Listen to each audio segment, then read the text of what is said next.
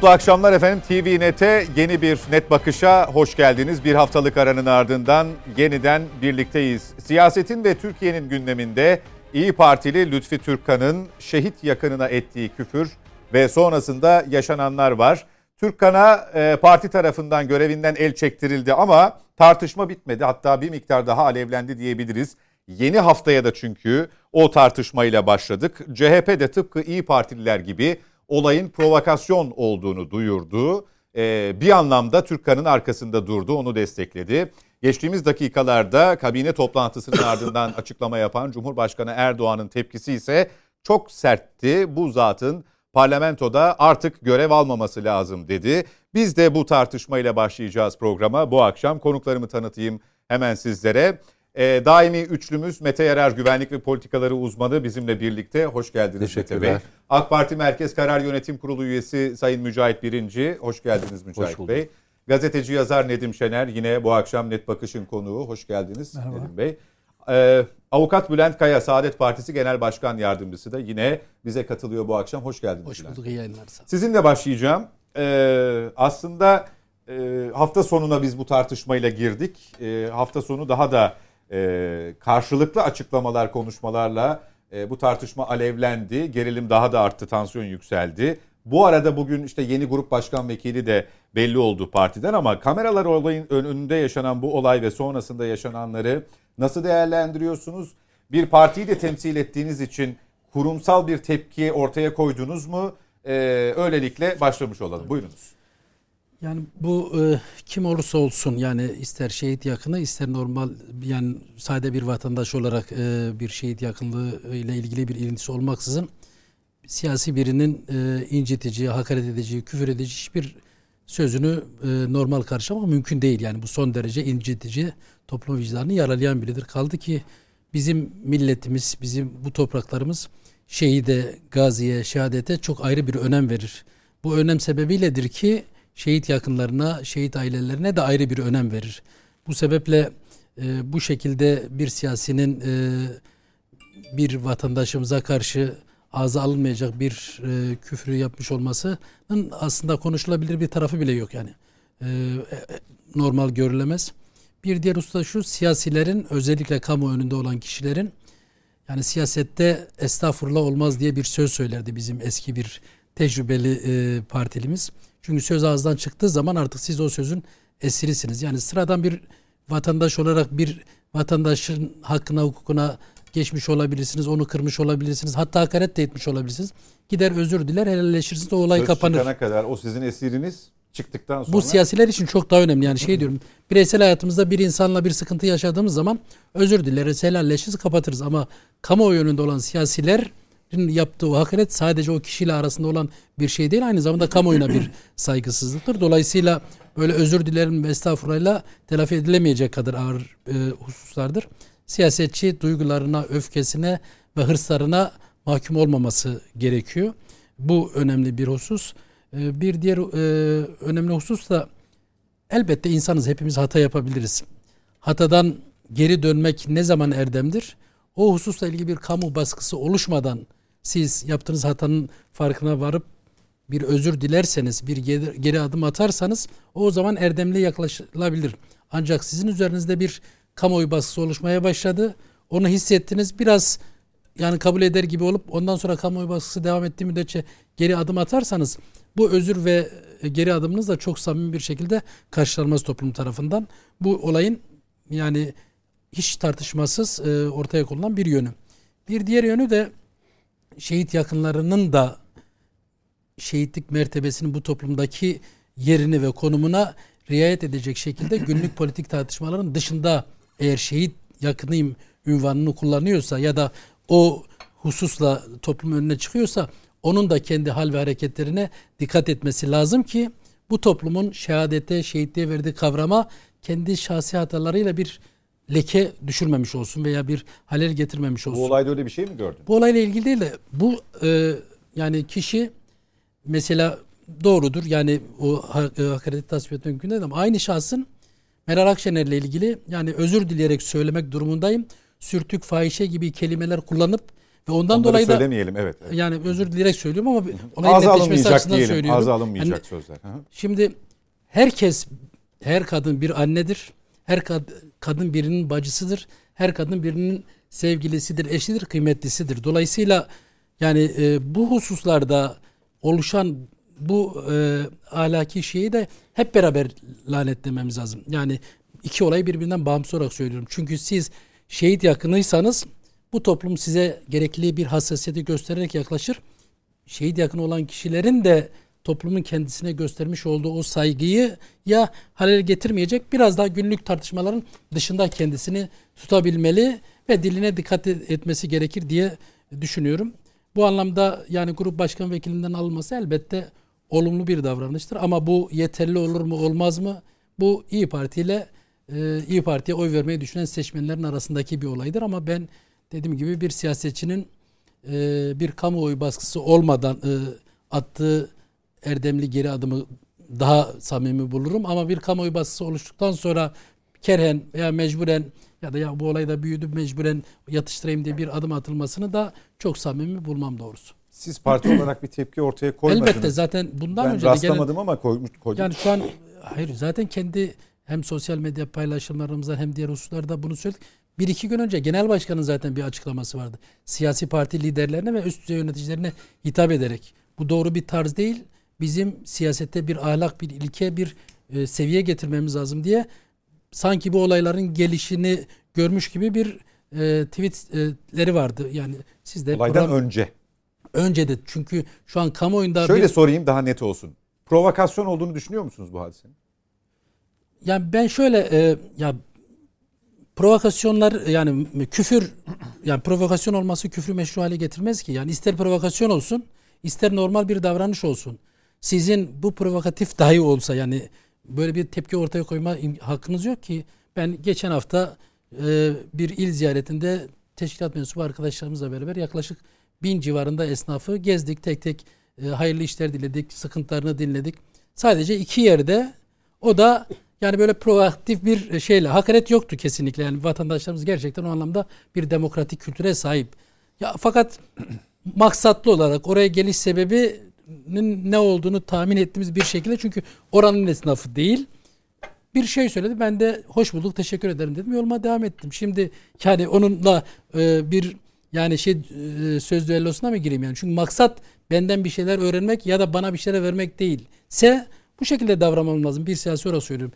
Dolayısıyla bu olayda provokasyon olup olmaması e, bu e, hareketi e, hafifletmez. Yani yapılan küfrü hafifletmez. Provokasyon olsa dahi e, bu şekilde bir mukabele tasvip edilecek bir şey değil Serhat Bey. Peki. Ee, Sayın Birinci e, partiden e, en üst düzeyden en e, işte milletvekillerine kadar, il başkanlarına kadar her türlü tepki geldi partinizden. E, Bülent Bey'in sözleriyle e, bağlamak gerekirse o e, iki tarafı iki tarafa ayırıyor hadiseyi. E, o yakının geçmişteki e, Sayın Akşener'e yönelik sözlerini de hatırlatıyor. İkisi bağımsız olmakla beraber Sayın Milletvekilinin davranışı hiçbir şekilde tasvip edilemez e, düşüncesini ortaya koyuyor. Siz ne düşünüyorsunuz?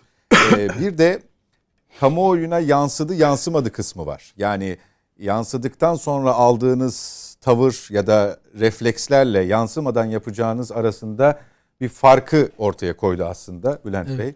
Katılır mısınız buna? Şimdi e, tabii ilk önce bu galiz hal, galiz fiili, beyanı kınayalım, kınıyoruz. Bunun arkasında durmak, bunu tasvip etmek mümkün değil. Bunu tevil etmek de doğru değil.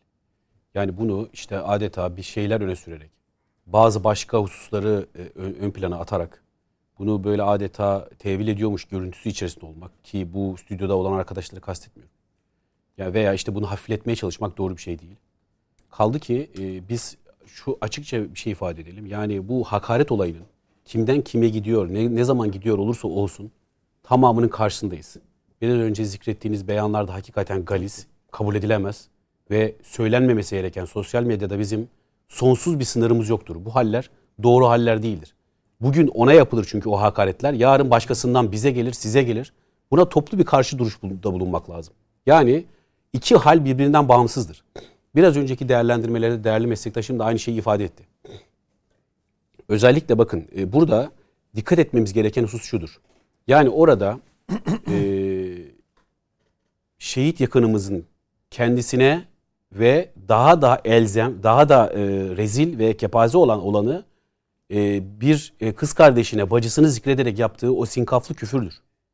Son derece galis, son derece aşağılık bir haldir bu. Dolayısıyla e, buna ne yapılması lazım? Bunun e, müeyyidesi bellidir açıkçası. Parti disiplin kurulları vardır. Boşuna yoktur okul yok, yoktur o kurullar. Dolayısıyla şahsın bu görevinden işte temsil vazifesinden alınması bir gelişme olarak görülebilecek ise de asıl milletimizdeki beklenti e, o şahsın iyi Parti ile olan ilişkisi noktasına değildir. Milletimiz şahsın Vekilliği. Ga- Gazi Meclis'in içerisinde kendinin tes- temsil kabiliyetinin artık bulunmadığını ifade etmektedir. Şahısla alakalı olarak çok direkt. Yani milletimizi tatmin eden işte şahsın İyi Parti'de grup başkan vekilinden alınması veya başka bir işte sade bir milletvekiline çekilmesi falan değildir. Yani milletimiz açıkçası e, bu şah- bu şahsın e, İyi Parti içerisindeki yetkisiyle çok ilgilenmemektedir. O yüzden e, İyi Parti Genel Başkanı olması veya İyi Parti'de grup başkan vekili olması veya İyi Parti'de kurullarda görev alması, MYK'sında görev alması falan milletimiz bununla ilgilenmemektedir. Milletimizin hassasiyetle vurguladığı milletin vekilliği noktasındaki bir eleştiri ve karşı duruştur. Yani milletimiz şunu söylüyor diyor ki şehidin yakınına bu galiz ifadeyi bu galiz ifadeyi hiç, hiçbir sorumluluk taşımadan kameraların önünde serdede, serdeden şahsın gazi mecliste yeri yoktur diye ifadede bulunuyor. Çok nettir milletimizin tavrı. Sayın Cumhurbaşkanı da öyle dedi. Aynı şekilde yani bu böyledir yani. Bizi yoksa İyi Parti'deki iç ilişkileri, İyi Parti'deki işte oradan oraya gelmiş, buradan bu yapılmış falan. Ya o İyi Parti'nin iç ilişkisidir. O milleti enterese eden bir durum değildir. Yani o galiz ifadenin şehit yakınına edilen küfrün karşılığı o değildir. Milletimiz onunla tatmin olmaz. Dolayısıyla milletimiz çok açık bir şekilde şahsın e, milletvekilliğinin nihayete erdirilmesi veya istifa etmesi noktasında bir karşı duruş sergilemektedir ve o karşı duruşun kolay kolay biteceği de gözükmemektedir. Yani bugünden yarına bitecek bir hadise değildir. Meclisin içinde olduğu sürece bu şahıs nasıl meclise gidecektir? Nasıl sağ çalışması yapacaktır? Bakın bir başka provokasyonları, bir başka olabilecek muhtemel provokasyonların da önüne geçmesi için benim tavsiyem orada sorumlu tavır sergilemedi ama sorumlu tavır sergileyerek bundan sonraki süreci yönetmede sorumlu e, tavır sergilemesi babında bizim tavsiyemiz bu galiz ifadeyi serdettiği gibi milletvekilinden ayrılmayı da bilmesidir şahsın. Bir takım provokasyonun önüne geçmek, millet meclisindeki o kötü havayı bertaraf etmek, basın mensubuyla ilişkilerindeki o kötü havaları olabilecek, doğabilecek kötü havaları bertaraf etmek için şahsın yapması gereken kendi açısından da milletimiz açısından rahatlatıcı kararı vermesi ve milletvekilinden istifa etmesi noktasındadır. Benim kanaatim budur. E, Bir başka husus şu. Şimdi e, her ne olursa olsun bakın nasıl ayırdı, ayırdık. Adilane bir duruşla, hukukçu duruşuyla. Meslektaşım da yaptı, biz de yaptık. Adilane duruşla. Hakaret kimden kime gidiyorsa kardeşim. Bunun karşısında Türk Ceza Kanunu'nda bellidir. Hiç kimseye hakaret kabul edilemez. Ne bir şehit yakınına bir hakaret kabul edilir, ne genel başkana hakaret kabul edilir, ne milletvekillerine hakaret kabul edilir. Hakaret olmaz. Hayatımızdan bir kere bunu sileceğiz. Koyduk mu bu tarafa? Ama burada edilen burada edilen hakaretin karşısında eğer siz bu hakaretin sahibini İstanbul beyefendi beyefendisi olarak niteliyorsanız, Geleceğim oraya. e, bunun sahibini bu şekilde e, aklama peşinde koşuyorsanız, onu yapanlar da milletimizin e, milletimizin gözünde e, koca bir soru işaretiyle karşı karşıya kalırlar. Yani bu fiili olumlama noktasındaki beyanlar, ya kardeşim amasız fakatsız bir kere bunu reddedeceksin ve karşısında duracaksın ya. Bu basit hadisede bir araya gelmemiz lazım. Peki. Dolayısıyla bakın ben e, ben İyi Parti içerisindeki sorumlu milletvekili arkadaşların millet noktasında, şehitler noktasında hassasiyet serdiler arkadaşların e, belki seslerini yükseltemeseler de bazı açıklamalarında işte garip bir şekilde AK Parti'ye çatsalar da yani çok gariptir. E, bir takım açıklamalar görüyoruz. Ya buradan da AK Parti'ye çatma meselesini nasıl çıkartıyorsun kardeşim? Yani bu hakikaten e, çok ilginçtir. Kabul edilebilir bir şey değildir. Bu hakarete vurgu yapmak lazım. Bak nokta atışıyla bunun üzerine gitmek lazım. Her ne kadar dışarıdan böyle beyanlarda bulunuyorlarsa da ben inanıyorum ki kendi içlerinde parti içlerinin içinde bu arkadaşların vatan ve millet hassasiyeti olan arkadaşların takım arkadaşların Sa- buna çok ciddi bir şekilde tepki gösterdiği kanaatindeyim parti içinde de. olanlar. Ee, evet sağduyulu olanların çok ciddi tepki gösterdiği kanaati içerisindeyim. Ve o emareler de vardır açıkçası. Ee, dediğimiz gibi yapılacak olan şey milletvekilliğinde gözükmemesidir artık yani şahsın. Peki Nedim Şener e, bu açıklamadan sonra bir müddet sonra Bülent Bey'in işaret ettiği kamuoyu tepkisi oluşmaya başladıktan itibaren Sayın Türkkan bir videoyla kamuoyuna seslendi. Ö, e, tartışma konusu şuydu video ile ilgili. Özrü şehit yakınından değil, partisinden ve Sayın Genel Başkan'dan dilemesi.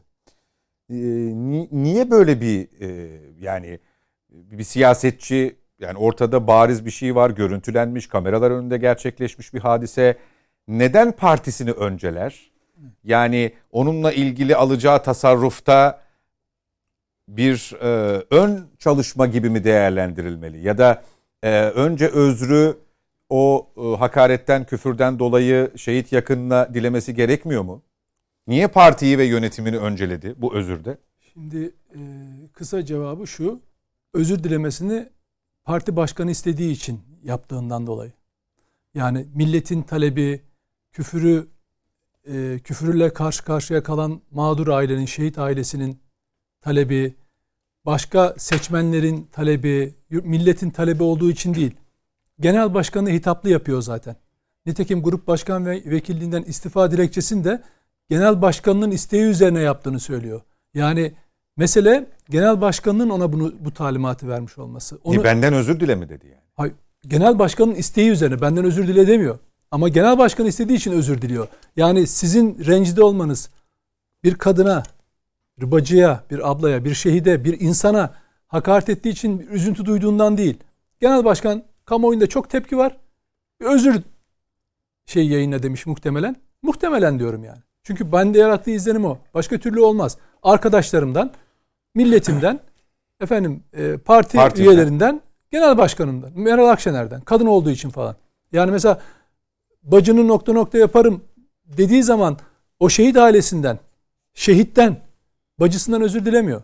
Bir kadın olduğu için Meral Akşener'den falan böyle bahsediyor. Dolayısıyla ortada sunilik var. Bak mesele ne biliyor musun? Biraz daha geri gelelim. Şimdi ben politik yaklaşımlar geçmiş. Ben her olayı kendi öznel koşullarına bakarım. Yani o yüzden dünle çok fazla ilgilenmem. Dün ne yaptıklarıyla da çok ilgilenmem. Şimdi bu olayda çok basit, çok kısa zaman aralığında şunlar gerçekleşti. Önce hakaret ve küfür. Sonra inkar. Bir tweet attı. Ne yaptı? Dedi ki ben dedi bırakın diyor küfür etmeyi. Ağır bir laf bile etmedim dedi. Akşam üzeri saat 17 civarında. Olay olduktan birkaç saat sonra.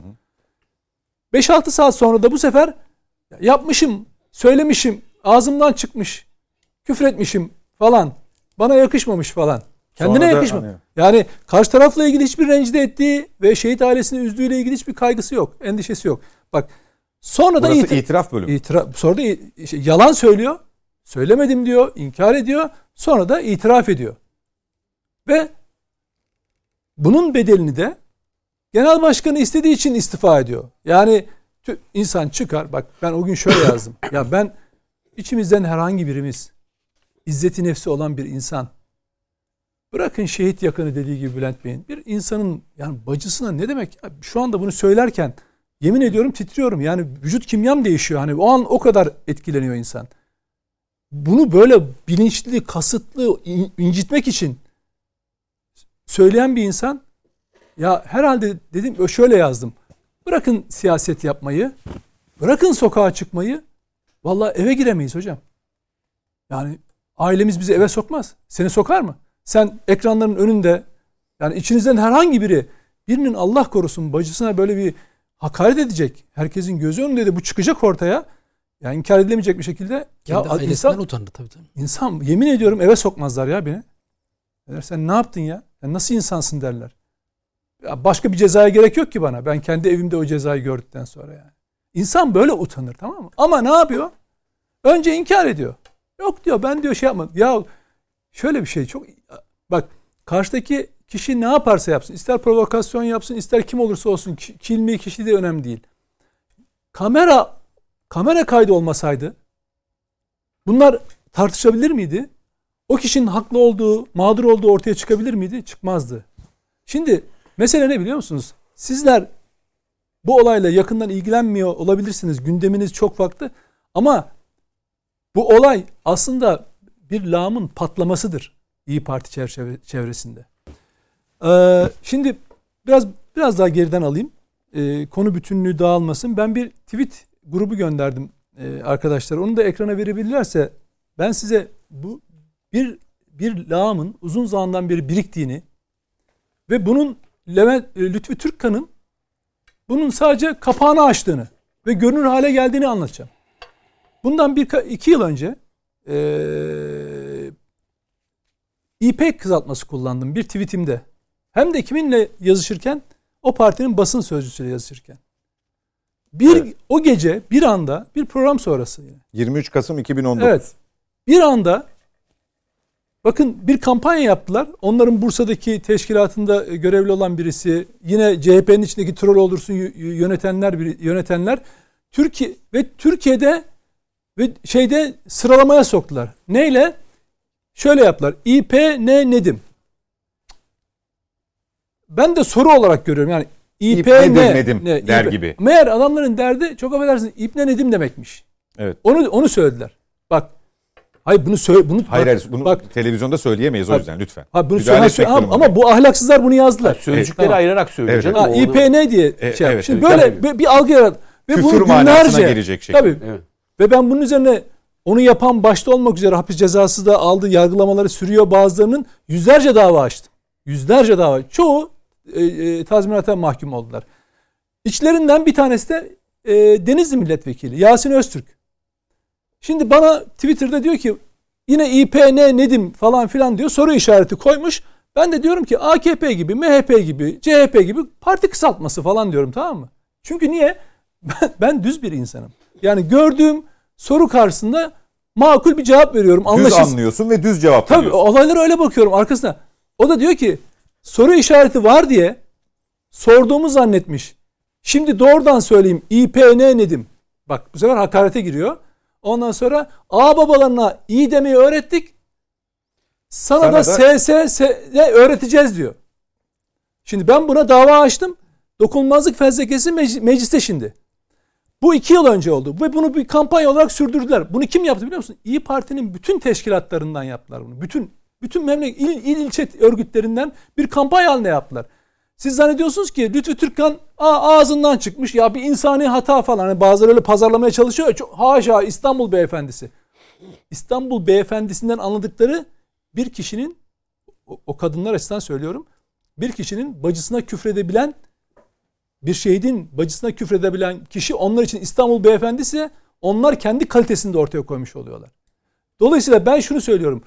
Bu zaten bu partinin bakın bu partinin teşkilat yapısında inanılmaz bir küfür, hakaret ve troll olursu vardır. Buna CHP'nin içine kattılar zamanla ve bir büyük güruh haline getirdiler. Bak büyük bir güruh haline getirdiler. Bunu çok kişiye yaptılar. Ağzını açtığın an hani böyle hatta İstanbul'un yönetim kurulu üyesi İyi Parti'nin yönetimi Murat Köse diye birisi diyor ki biz diyor MHP'den ayrılırken diyor herkesi orada bırakmadık bazılarını daha getirdik. Kolunu bacağını kırarlar senin sonra falan filan diye bana tehdit etti. Beni tehdit etti. Şimdi o da ceza aldı. Davasını açtım. Başka ceza, davalarımıza devam edecek. İnanılmaz bir şekilde şiddet meyli, hakaret, küfür ve buna kadınlar da bak siz zannediyorsunuz ki yine ya bu Lütfü Türkkan kazara ya daha önce bundan bir ay veya bir buçuk ay önce şehit şehit Ömer Halis Demir'e İyi Parti'nin Tokat mı Yozgat mı artık hangisi Tokat bir il? Tokat. Tokat. Tokat. Tokat'taki il yöneticisi ya asıl darbeci bu. Kahraman Semih Terzi demedi mi? Semih Terzi kim? Hain doğru, bir dedi, darbeci. Doğru. Ömer Halis Demir'in kafasından vurup indirdiği hain darbeci FETÖ'cü. Bu kadın bunu söylemedi mi? O partide ne oldu? Görev işte görevinden şey yaptılar, istifa ettirdiler falan filan. Zannediyorsunuz ki Lütfü Türkkan bir bir tek başına bir şey diyor. Hayır arkadaş. Bu partinin mücadele stratejisi bu. İnsanlarla, insanları bezdirip hakaretler yıldırıp buydu ve dolayısıyla Lütfü Türkkan patlayan bir lağımdır sadece. Patlamıştır. Yani kokuyu yaymıştır. O, o içerideki kokuyu yaymıştır. Nitekim aman koku fazla açığa çıkmasın diye yine içinde tutuyorlar. Kapağı kapatmaya çalışıyorlar.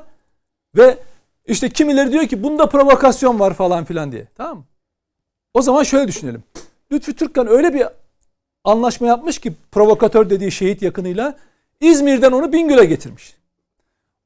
Meral Akşener'e bağırıp çağırmasını söylemiş. Sonra boğazına sarılmış. Kameralarda açıkken oturmuş bacısına küfretmiş. O zaman Lütfü Türkkan provokasyonun içinde. Yani ona orada çünkü adam feryat figan diyor ki 1997 yılında 17 yaşındayken kardeşi PKK'nın havan top mermisiyle paramparça olmuş. Bak herkes şunu kaçırıyor. Diyor ki ben biz diyor günlerce kardeşimin ayaklarını aradık. Var mı içimizde kardeşimizin ayaklarını arayan? Ama Tahir Gümren aramış. İsa Gümren'in ayaklarını iki gün aramışlar. Üç gün aramışlar. Diyor ki hanginizin kardeşi çuvala dolduruldu cenazesi diyor. Bir insan kardeşinin cenazesini torbaya dolduruyor. Bu geçecek bir yara mı? Peki. Şehit ay bak şehit şehitlerin şunu her zaman söyledim. Ben şehit yakınıyım diye bize de hakaret eden veya azarlayan veya başka türlü davrananlar oluyor.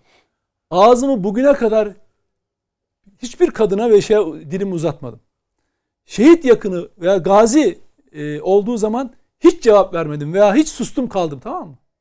A, bu bak FETÖ'cü de olsa, bak FETÖ'cü de olsa ben bilsem ki bu ama orada şehit şehit var. Ağzıma ne biliyor musunuz? Aldığım nefeste onların hakkı var. Bu yaşadığım, bastığım yerde onların hakkı var. Ben Amin. onlara hala borçluyum. Nefesim son nefesime kadar borçlu hissedeceğim. Doğru. Şimdi sen bu refleksi kaybedersen Lütfü Türkkan olursun. Veya CHP'li Faik Öztürk'ün söylediği gibi provokasyon var falan veya hiç yakıştıramadım mesela Musavat Dervişoğlu'na. Yani kalıp yani o şey bir adam ya milliyetçi bir adam tanınıyor. Paldır küldür bir şey bazı şeylerin tartışması yok. Biz Mete'yle yaptığımız programlarda bak şehitler son noktanız. Şehitler hani diyoruz şehitler ölmez diyoruz ya. Şehitler ancak sahip çıkılmadığı zaman unutulduğunda ölür veya hakarete uğradığında ölür. O eğer sen buna sahip çıkamıyorsan şehit yine kalır. Senin insanlığın ölür. Bak ben bunun ne anlama geldiğini rakamlarla anlatmaya çalıştım insanlara. Kendi yettiğimi, kendi kafamın çalıştığı gibi.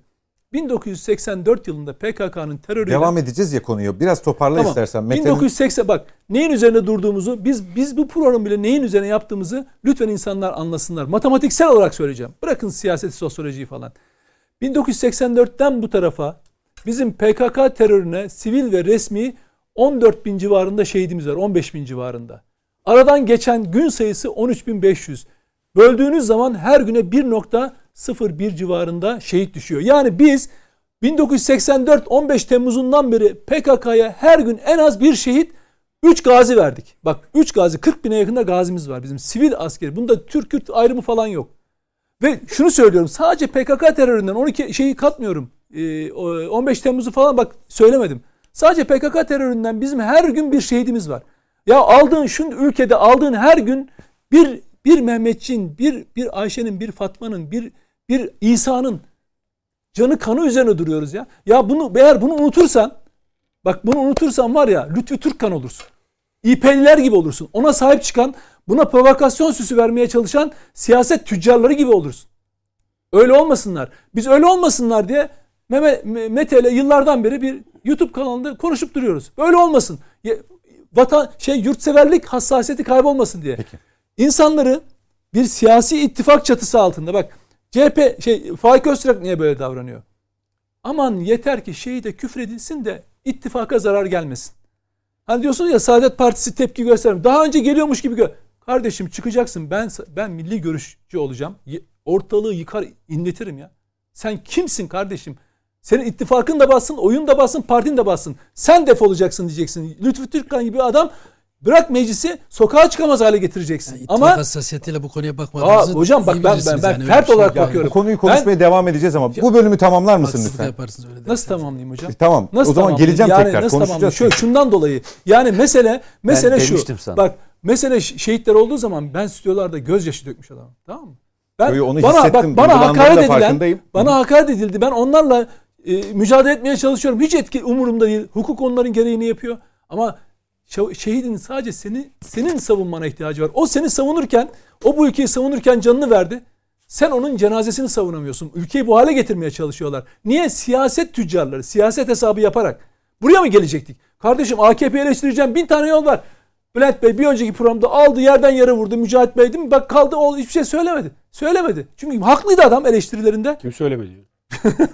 Bak Hayır, yine, şunu şunu, şunu- sana geliyor. Şunu söylüyorum ediyorum yani AKP'ye eleştirebileceğim Tamamla bin yer var. Bin şey var. Siyaset, Siyaset yapabileceğim başka bir çok şey şey var. Geleceğim. geleceğim. Ama hocam şehit şehide saygı göstermediğin zaman olay biter. Türk milletinde sınır orası. Bence reklama kadar gitsin istersen. Ee, yok gitmesin. Gitmesin. Sonra biz ben de çıkmak zorunda kalırım. Ee, sıkıntı büyür. Bu kadar suskunluk niye?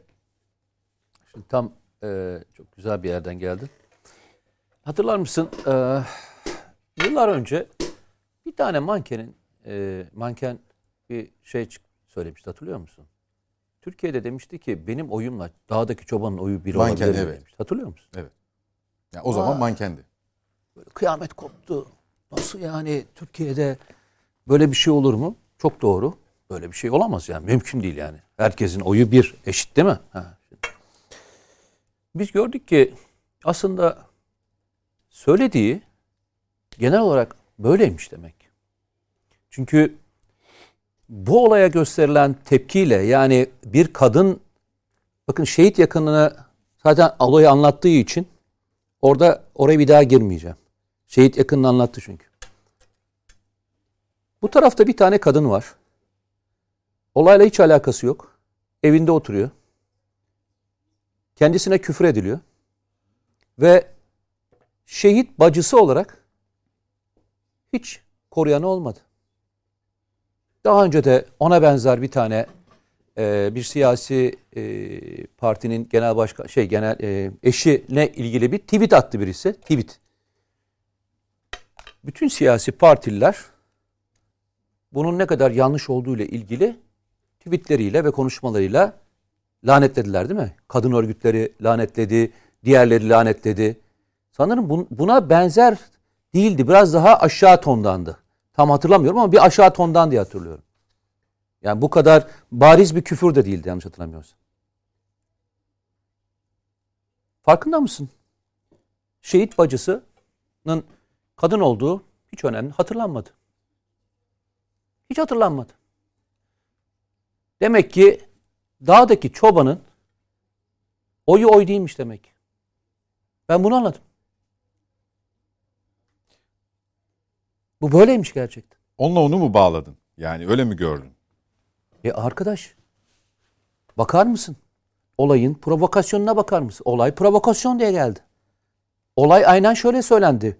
O şehit değilmiş diye söylendi. Hatta biraz daha ileri götürdüler. O dağda mayına basan bir çobanmış diye devam ettiler. Bak devam ediyorum olayların her birine. E zaten adam oraya provokasyon için gitmiş diye devam ettiler. Onlarca onlarca mazeretle beraber gittiler. Ortada küfür hiç konuşulmadı farkında mısın? Küfür yok ortada. Hiç küfürle ilgili bir mevzu yok. Demek ki o zaman niye kızdınız? O zaman niye kızdınız? Türkiye'de adilane bir şey olsaydı, adilane bir şey olsaydı bu bacımızın hakkını hep beraber korurduk. Sivil toplum örgütleri, televizyon programına çıkan e, hanımefendiler Kadın ve diğerleri, kadın toplum. dernekleri ve diğerleri. Arkadaş bu olayın içerisinde bir kadın yok. Sen bu kadına nasıl küfrediyorsun diye ortalığı ayağa kaldırmaları gerekiyordu. Demek ki öyle değilmiş. Demek ki bizim adil adil bakışımız o yıllar önce söylenmiş sözle aynıymış bakış açımız demek. Bir şey merak ediyorum. Provokasyon bunun neresinde olabilir? İstediği yerde olursa olsun. Ben geçen sefer de bir pro- provokasyonla ilgili örnek verdiler. Sayın Meral Akşener dedi ki Siirt'te benim karşıma geçilen kişi oraya bilerek getirilen bir HDP'li dedi, dendi değil mi? O bilerek ve isteyerek söyledi lafı dedi. Provokasyon yapıyor. Ha şu esnaf ziyareti hadisesi. Evet. Kürdistan meselesi. Bu bir önceki olaydı. Bir tecrüben var değil mi? Bir tecrüben var. Provokasyon olarak bakıyorsun. Orada yanlış hatırlamıyorsam Grup Başkan Vekili de orada. Lütfü Türkan da orada. O gezide orada var. O da var bildiğim kadarıyla. Peki ben bir şey soracağım. E o provokasyonsa o provokasyona tek bir cevap vermediniz de.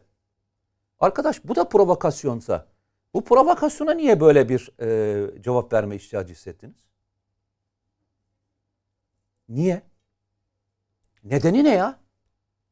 Yani ona susar susuyorsun. Bunun provokasyon olduğunu biliyorsun. Ki evet doğru yapmışlardır diyelim hadi. Onların bakış açısından provokasyon olduğunu biliyorduk ve sustuk. E tamam sizin bakış açınızdan bu da provokasyonsa niye bu sefer susma gereği hissetmediniz? Bırakın susmayı bunda Hayır. Yani teselli edecekmiş gibi alıyor. Bak bak şimdi mas- Üstüne bir de küfür ediyor. bak mantığını anlatmaya çalışıyorum. anladım bir anladım. insanın sürekliliğine bakarım ben. Bir insanın söylediklerindeki anlam bütünlüğüne bakarım. İkincisi, üçüncüsü.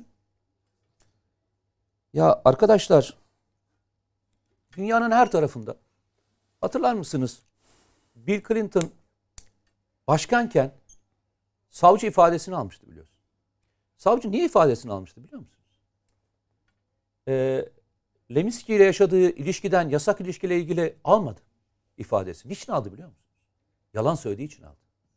Yeminli haldeyken verdiği ben bir şey yaşamadım lafı üzerine Yalan beyan açtı. üzerinden aldı. Evet. Yalan beyan üzerinden açtı. Arkadaşlar bu, bu iş içerisinde ben böyle bir şey yapmadım. Bu bir komplodur diyen ben miydim arkadaş? Aradan iki saat geçiyor. Bakıyorsunuz. Ben yaptım diyorsunuz.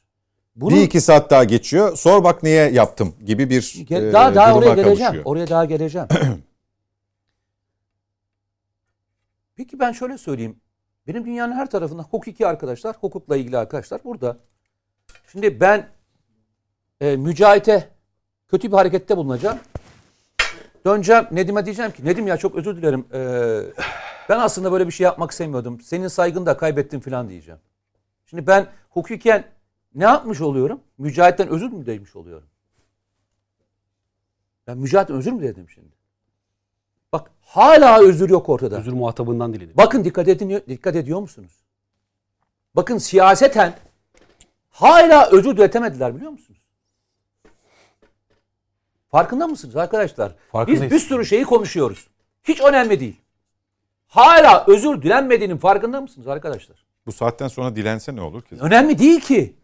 Bak bu bu kadar önemli değil işte onu söylemeye çalışıyorum. Ben önemli değilim arkadaş. Burada ben önemli değilim.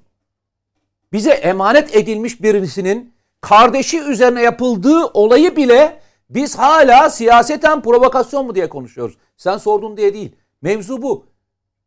O kadından özür dilenmedi hala. O kadından özür dileyen hiç kimse yok şu anda. Ve bu iş konuşulmuyor farkında mısın? Biz neleri tartışıyoruz biliyor musun? Tartıştığımız bunlar. Peki ben geçen günde bunu başka bir televizyon kanalında sormuştum. Yine aynı şeyi soracağım. Arkadaşlar bu olayı İyi Partili bir milletvekili değil de HDP'li bir milletvekili bir şehit yakını yapmış olsaydı tepkiniz ne olurdu? Ne yapardı? Ne yapardınız? İyi Partili olmuş olması olayın nesini hafifletti? Nesini hafifletti bana söyler misiniz? Yani işin içerisinde vahametini arttıran bir olay olmasına gerekirken olayı hafifletici neden mi oldu burası? Bakın farkında mısınız? Yani şöyle düşün. Saadet Partisi'nden birisinin çıkıp muhafazakar camiayanın önemli bir şeyine laf söylemiş olsa bu Saadet Partisi için ya zaten onların kendi iş dengesidir filan mı dersiniz? Yoksa oradaki e, ses daha mı yüksek çıkar? Şimdi ben size soruyorum. Yani yalnızca bunu İYİ Partililere sormuyorum. Türkiye'deki herkese soruyorum. Ya arkadaşlar değerlerin dediğiniz olayın içerisinde değerlerin dediğiniz olayın, olayın içerisinde siz bunu nasıl normalleştiriyorsunuz ya? Siz normal bir partiden 10 kat daha fazla tepki vermelisiniz. 10 kat daha fazla vermelisiniz. Bu herkesten daha fazla konuştuğunuz ve çok daha fazlasıyla dillendirdiğiniz bir konu. Siz kendi koyduğunuz ilkelerde bu kadar yalpalarsanız neyi konuşacağız biz ya? HDP'li birisi yapsaydı aynı suskunluğu mu gösterecektiniz? Onların senin yaptığın arasındaki fark nedir diye sorarsan ben bir şey söyleyeyim? Senin yaptığın daha bana ağır gelirdi. Bana daha ağır gelirdi. Hukuken evet aynı karşılıktır. Hukuken aynı karşılıktır. Ama ben vicdanen daha rahatsız olurum biliyor musun?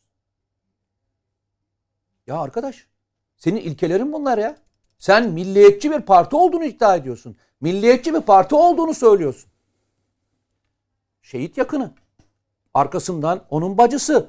Senin o bacısı dediğin şey şehidin emaneti bize. O şehit ki ister mayına bassın ister başka bir şey olsun. Bu ülkede hayatını kaybetmiş insanlardan bir tanesi. Herhalde PKK'nın öldürmeye çalıştıkları herhalde eee, şey değildir. O bölgedeki insanlar işte Diyarbakırlı, Diyarbakır, Bingöl o şehit olan yerleri bilir. Bilirsiniz orada nasıl hayatın zor olduğunu. Bu insanlara ekstra acı niye veriyorsunuz ya? Ayıp değil mi? Peki. Başka bir şeyi daha müsaade bitireyim mi? Çok kısa lütfen. Eğer Araya gitmek zorunda. Araya gidiyorsan tamam hiç Yo yo bitir tamamla istersen. Yani bir kez daha gördük arkadaşlar. Türkiye'de bazı insanların üzerlerine gerçekten büyük bir koruyucu kalkan var. Aynı olayın başkasıyla ve başkasıyla yapıldığındaki tepkilere bakıyorsunuz. Bir ölçü farklılığı olduğunu görüyorsunuz. Ölçü farklılığı olduğunu görüyorsunuz. Kalkan derken Asla e, konuşulmuyor, asla mevzu açılmıyor, asla tartışılmıyor, asla mevzu edilmiyor ve asla da herhangi bir noktada tartışma büyütülmüyor. Büyütülmüyor. Şimdi zaman zaman soru soruluyor. Niye bu olayı bu kadar büyüttünüz? Arkadaş, sokaktaki herhangi bir insana iki kişi arasında geçen bir olay değil ki bu. Bir partinin grup başkan vekiliyle bir şehit yakınının e, bacısına na küfür ederek yaşanan bir olayı konuşuyoruz. Yani bu sokakta iki tane karşılıklı gelmiş birbirine sokakta araba kavgası yapan iki insan konuşmuyoruz ki ya. Tabii ki konuşulacak bu mevzu. Bu bu kadar konuşma bu, bunu konuşmamak ne demek ya? Yani bunu affedersiniz Saadet Partisi yapsa göreceğim. E AK Parti yapsa görmeyeceğim mi? Veya başkası yaptığında görmeyecek miyim? Böyle mi bakacağım ben olaya yani? Ben bir emanet olarak bakıyorum arkadaş. Ben bir şehidin e, bana emaneti olarak bakıyorum. Ben o şehidin emaneti olarak bakıyorum. Siz nasıl bakıyorsanız bakıyorsunuz. Beni beni ilgilendirmiyor. Beni orada hangi partinin temsiliyeti kimi laf söylediğiyle ilgili benim bir takıntım yok. Ben oradaki tek takıntım ne biliyor musun? Şehitin bize emanet ettiği bacısı bitti. Benim tek baktığım yer orası. Bu taraftaki profil beni çok fazla ilgilendirmiyor. Ne zaman oldu ya? Ne zamandan beri profile göre adama e, veya insana küfür ettirmeye başladık biz? Böyle bir hakkımız mı var? Böyle bir yere mi geldik biz? Böyle bir noktaya mı geldik? Bütün değerlerimiz, bizim bütün bize öğretilenler, bütün öğretiler bu muydu bize hayatımızla ilgili? Zaman zaman söylüyoruz ya Z kuşağı filan o kuşağı bu kuşağı. Arkadaş aşağı yukarı biz aynı yaşlardayız bildiğim kadarıyla. Ben belki belki büyüğümdür ondan. Arkadaşlar biz şehit cenazesinden sonra evinde ve etrafında ve yıllar boyunca geçmiş olmasına rağmen gürültü yapmamayı öğretilen bir etikten geliyor. Müziği kapatan evet. Onun etrafında gürültü yapmamayı, evine uğrayıp elini öpmeyi, bayramda ilk ona ziyarete gitmeyi, bir şeye ihtiyacı olduğumuz öğrenmeyi, etrafında gülmemeye öğretilen bir yaştan geliyoruz. Gençlere söylemiyoruz. Gençler buna daha çok dikkat ediyorlar. Aynı yaşıtta, aynı yerde büyüdüğümüz bir kişi bunu nasıl pas geçebilir? Ve farkında mısınız? Siyaseten bedel ödeyeceğini bildiği halde hala özür dilemedi. biliyor muydu bedel ödeyeceği?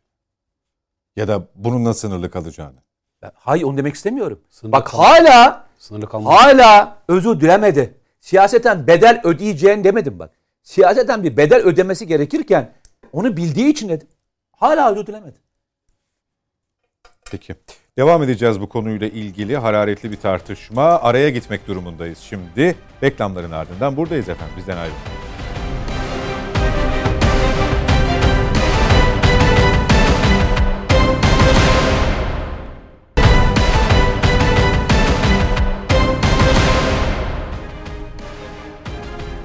Yeniden birlikteyiz. Net Bakış'a devam ediyoruz. İyi Partili Lütfü Türkan'ın küfrü ve sonrasında yaşananlara dair değerlendirmelerle e, sürdürüyoruz programımızı. Bülent Bey, hem Nedim Bey hem diğer katılımcılarımız e, yoğun bir kamuoyu tepkisinin e, ortaya konduğunu ama e, tepkiyi asıl ortaya koyması gerekenlerin yeterince güçlü dile getiremediklerini ifade ettiler. Hatta Nedim Bey Saadet Partisi'nin hani böyle e, ortalığı ayağa kaldırması lazım bir milli görüş geleneğinin gibi bir ifade şu kullandı. ben e, Ee, yani suçlamak için değil. Yo yo Ya bir cevap te- tespit anlamında, tespit Ben- anlamında. Haklı yani doğrudur. Gerçekten Yani- cevabı olacaktır yani- mutlaka o yüzden Ya ben bunu. İyi Parti'nin samimi insanlarından da bekliyorum. Yani Herkesten sadece, bekliyorum. sadece yanımızda olduğu için zaten e, örnek olay verdim. şu yani e, bunu CHP'li yurtseverlerden de alakalı yani bekliyorum. özel olarak Saadet Partisi ile ilgili de Tabii. genel olarak herkesin Tabii. Evet, tek evet. masa Buna katılıyor musunuz? Şuna Yani katılıyorum yani. Şimdi bu tip olayların mağdur kim olursa olsun sahip çıkmak lazım.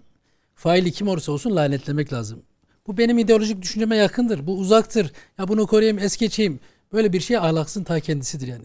Biz hani ben tekrar isim vererek o hakaret ve küfür edilen kişileri kamuoyunun önünde tekrar gündeme getirmek istemiyorum ama iktidar partisine mensup olanlara yapılan hakaret ve küfürlere de tepki ortaya koyduk. Muhalefet partilerinden olanlara da hatta suçlu olanların ailelerine yapılan hakaretlere de ortaya koyduk. Çünkü yani sizin o kişinin e, cezası ile ilgili şeyi mahkemeler verecektir.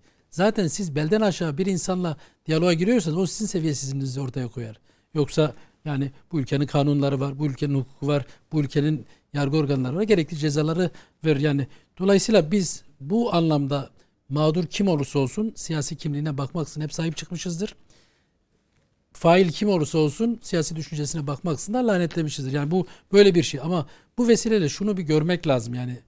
Ee, ya ben en azından bazı Saadet Partileri de de- denk gelmedim. Geldim, kınadım. Ama nispeten en azından az olduğunu düşünüyorum. Eğer başka bir yerde önüme çıkarsa da gerekli tepki ortaya koymaktan da çekinmem ama genel olarak bütün partilerin Saadet Partisi'ni de ayırmaksızın söylüyorum.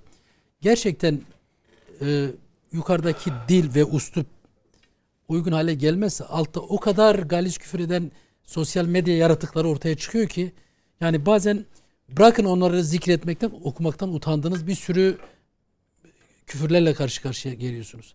Ve bu insanların yani ben mesela genel başkanla ilgili bazı işte genel başkanın şöyle bir prensibi var. Tazminat davası açmaz. Kendisine edilen hakaretlerden dolayı tek bir kuruş maddi talebi olmaz. Bazen caydırıcı olsun, insanları belki biraz daha düşünmeye sevk etsin diye suç duyurusunda bulunduğu dosyalar olur. Bir kısmı da gelip bazen bizi de hani işte ya şöyle bir arkadaş var, şöyle bir tanıdık var, böyle bir olay oldu. Ben diyorum ki şey yürünce bir gönder bana ne dediğini. Araya girmeye yüzüm varsa rica ederim. Ama okumaktan bile hayal ettiğim bir şey varsa kusura bakma ben öyle bir konuyla ilgili ne araya girerim ne de bir şey yaparım derim. O kadar olaylar oluyor ki kişinin vas şeyine bakıyorsun böyle yani bir baltaya sap olamamış bir sürü insan medya ya klavye delikanlısı olarak sağa sola küfreder bir hale geldi. Ve emin olun bu her partide var. Yani ayırmaksızın söylüyorum.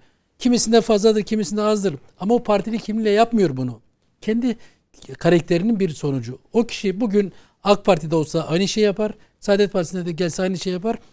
İyi Parti CHP'de gitse. Çünkü onun karakterinin bir özelliği. Partisi ona bunu e, sah- kazandırmıyor bu özelliği. Yani. Kendi karakteriyle alakalı olan bir şey. Ama burada şöyle önüne geçebiliriz. Yani amasız ve fakatsız dedim ki mağdur kim olursa olsun yapılan hakarete karşı çıkacağız.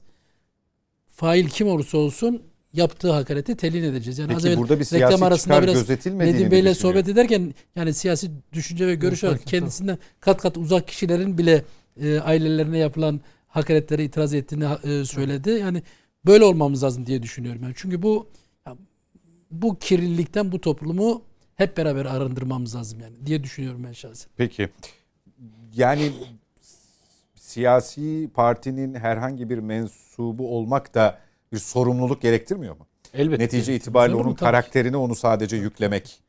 Yani e, bu iş Şu anlamda olur mu? Ben mesela Bir- bugün burada oturuyorsam yani et- e, benim eğer e, görüntünün altında Saadet Partisi Genel Başkan Yardımcısı söylüyorsa ben ağzımdan çıkan her söze dikkat etmek zorundayım. Çünkü ben sadece kendi adıma konuşmuyorum. Yarın bir gün benim bir Temsil sözümden evet. dolayı haklı olarak konuklarımız veya izleyicilerimiz Saadet Partisi'ni yargılayacaksa dikkat Ona etmem lazım. Evet, Elbette. evet. Yani ağzımdan çıkan söze, toplum içerisindeki davranışma dikkat etmek gibi Mücahit Bey var. için de aynısı Hep- geçerli. Hepimiz için, gazeteciler için çünkü onlar da yani medyanın önünde toplumun itibar ettiği isimler. Yani kanaat önderi olarak zaman zaman bu konuyla ilgili ne düşünüyor diye dikkat kesildikleri isimler. Eğer yanlış işler yaparlarsa buradaki sözle, söyledikleri sözlerin bir kıymeti harbiyesi olur mu toplum nezdinde? Peki. Siyasi çıkar e, soracaktım Bülent Bey'e de. Şimdi e, yapılan açıklamalara bakıyoruz. parti yetkililerinin ortaya koyduğu tepkiye bakıyoruz. Hani tepki manasında değil belki ama yine de diğer konukların işaret ettiği o siyasi mülahazaların devam ettiğini, bu çıkarın gözetildiğine tanıklık ediyoruz. Şimdi Ama bu olayı bence haksızlık olur. Şöyle çünkü bu yani böyle siyasi Hangisi çıkar haksızlık olur? şöyle yani bu siyasi çıkar gözetilip veya ittifak veya oy hesabı yapılarak tavır konulacak bir olay değil. Çünkü bunu herkes lanetler. Hani bir bu siyasi bir beyan değil ki ya acaba işte bu beyanatına dair bir şey söylersem diğer partiler nedir? Yani öyle oldu ama işte. Hayır öyle dersek bence haksızlık yapmış oluruz. Ben hiçbir Bir siyasi Nasıl dersek? Şimdi CHP'den gelen açıklama öyle değil mi Hayır, mesela? kim ben dinlemedim. Sayın Ya Faik ben CHP için söylemem. En azından kendi, e, Saadet Partisi açısından söyleyeyim. Biz az evvel de ifade ettik. kastetmedim Tabii ben tabii. zaten. Genel olarak bilmiyorum yani. Ha, sizi kastetmedim. Böyle bir olayda kim siyasi çıkar hesabıyla hareket ediyorsa kendisi de aynı ahlaksızlığın bir parçasıdır diyorum. Bu kadar net yani. Tamam. Soru da ortada zaten. Evet, ben imza- CHP'yi kastetmiştim. Yani İmza Sayın dediği şeye imza atıyor. Sayın Öztrak'ın açıklaması Bugün e, provokasyona Yani ahlakta yönelik Yok, parti ayrımı olmaz. Evet, tabii tabii. provokasyona yönelik e, Sayın Ağar Alioğlu'nun açıklaması var gündüz. E, olayın kendisini tasvip etmenin mümkün olmadığını belirtmekle beraber partinin ana hatlarına, ana çizgisine göndermede bulunuyor. Ama e, Cumhuriyet Halk Partisi'nin tavrı bu işin tamamen provokasyon olduğu yönünde. Lütfü Türkkan'ın sanki burada hiç dahli yokmuş gibi bir resim ortaya çıktı. Tabii e, şunu öncelikle ifade etmek lazım. Bakın bu hadiseye her kim siyasi mülahazalarla yaklaşıyorsa hakikaten hadisesin kendisi kadar kepaze bir iştir o. Burada İster siyasi amaçlı olsun, ister siyasi olsun. falan Tabii. olmaz burada. Yani buna e, buna işte e, siyasi mülahazalarla bunu hafifletmek veya tam tersine bir takım siyasi mülahazalarla bunu teylin etmek değil mesele. Mesele ne biliyor musunuz? Mesele sabit bir şekilde, de evet. sabit bir şekilde, sabit bir şekilde şehit kardeşlerimizin yakınlarının yanında durmaktır. Çünkü vatan için canlarına canlarını feda ettiler. En kutsal, en feda olmasını istemediğim şeydir. Mal mülk değildir değil mi? Candır. Dolayısıyla ondan vazgeçmiş kişilerin yakınlarından bahsediyoruz. Mesele budur. Mesele burada benim AK Parti oluşum, onun Saadet Partili oluşu, diğerinin bilmem ne parti oluşu değil. Onun için biz, bizim buradaki hadiseyi telin etmemiz şehitlik statüsüne olan saygımızdan dolayıdır. O mukaddes statüye gerek Kur'an-ı Kerim ahkamında gerek milletimizin bağrında mukaddes olan hadiseye karşı bu işlenen hak, hadsizliği, ahlaksızlığa karşı duruşumuzdur. Yoksa siyasi partilerin temsilcileri gibi olarak e, burada bulunuyoruz ama beyanlarımız siyasi mülahazayla değil ki. Dolayısıyla ka- dolayısıyla bu konu bu konuda beyanda bulunanların adeta sila- siyasi mülahazayla yok işte AK Parti'de işte böyle böyle e, işte Taceddin Bey var çok güzel söyler bunu vate, vatevatizm diye. Telifi ona aittir. Yani ama siz de işte şöyle şöyle falan değil hocam hadise o değil şu anda. Burada hakikaten ahlaksız bir tavır var. O tavır telin ediliyor milletimizin kahir ekseriyet tarafından telin ediliyor. Dolayısıyla buraya yaklaşım siyasi mülazayla olmaması lazım. Bu noktada hata yapıyorlar. Açıklamalar da bu noktada gerek e, AK Parti şey e, İyi Parti e, Grup Başkan Vekilinin gerek işte e, Sayın e, Öztrak'ın. Ö. Öztrak'ın ve diğer İyi Partili e, kardeşimizin Ağralioğlu. Ağralioğlu'nun beyanlarında ben hakikaten Ağralioğlu biraz daha farklı bir beyanda bulunmuş da işte hakikaten orada bir şekilde acaba AK Parti'ye nasıl vurabiliriz? E, işte böyle sanki ama biz sizde de şu oldu bu oldu gibi aslı astar olmayan saçma sapan ifadelerle e, bir takım karşı duruşlar görüyoruz. Bu doğru değil. Yani bunun aması fakatı olmaz. Amasız. Bu lanet edilesice bir harekettir. Lanet edilir buna. Bu kınanır. Tamam. Ve toplumsal tepki, toplumsal tepki noktasında da gereği yapılır. Toplumsal tepki ne noktadaysa, vicdanlar ne noktada kanamışsa gereği yapılır. Gereğini yapmak bizim vazifemiz değildir. Başlıca onu onların vazifesidir. Ve yargının vazifesidir meselenin gereğini yapmak. Onu ifade edeyim. Dolayısıyla burada bakın Demirtaş'ın işte biraz önce ifade etti Mete Yarar. Demirtaş'ın eşiyle alakalı hiç bilinmez bir hesaptan, 300 takipçili bir hesaptan hakikaten galiz bir ifadelerle e, bir takım e, sözler söylendi. 300 takipçisi var. Belli ki şey e, böyle ne yürüdüğü belirsiz bir hesap yani açıkçası. Fotoğraf bile yok benim hatırladığım kadarıyla. E şimdi o hesaptan böyle bir bu galiz ifadeye evet tabii tabii ki kabul edilebilir değil. Yani bunu kimden Ki kime yapıldığı Özellikle şöyle söyleyeyim sana. Eşi cezaevinde olmuş olması hasebiyle daha da büyük tepki göstermek Evet. zorundayız. Bunu- Yani eşi hapis, hapiste olduğu için daha da büyük tepki gösterdi. Yani şunu söylemeye Ya çalışıyor bunun- değil mi Mücahit Birinci? Provokasyon kısmını konuşalım ama oraya gelene kadar İş değil o. İş değil. Söyle şunu ifade ediyorum. Bakın. E, meselenin aslını konuşmak lazım.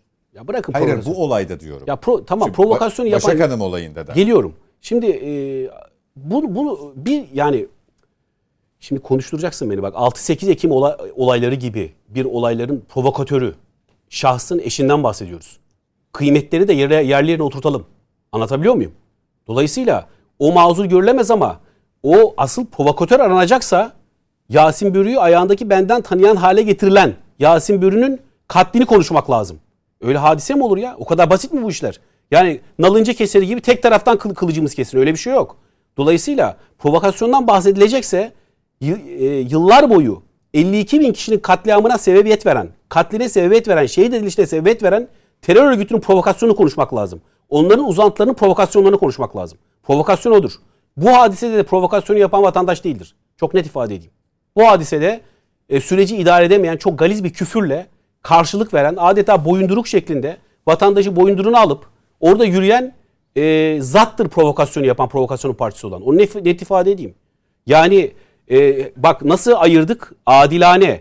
Hiç kimse hakarete uğramayacak. O kısım evet. Ne yaparsa ne yaparsa yapmış. Onun ceza kanununda karşılığı var. Zaten cezasını almış onunla kimse, ilgili. Evet. Kimseye hakaret edilmez. Genel başkana hakaret edilmez. Milletvekiline hakaret edilmez. Bu kadar net. Bizlere hakaret edilmez. Beyefendiye hakaret edilmez. Hakarete topyekün. Prensip duruşu olarak karşıyız. Sövmeye karşıyız hepimiz. Ama bu noktada ele, bu noktada meseleyi ele aldığımız zaman bakın şimdi provokasyon laflarıyla bilmem ne işte e, karşı siyasi salvolarla adeta sanki biz siyasi salvo yapıyormuşuz gibi burada. Ya burada siyasi salvo yapan yok. Gözünüzü seveyim ya. Siyasi salvo yapan falan yok. Buradan siyaset devşirmeye çalışan yok. Şehit yakınımıza karşı girişilmiş çok adice bir hareket var. Hal ve hareket var.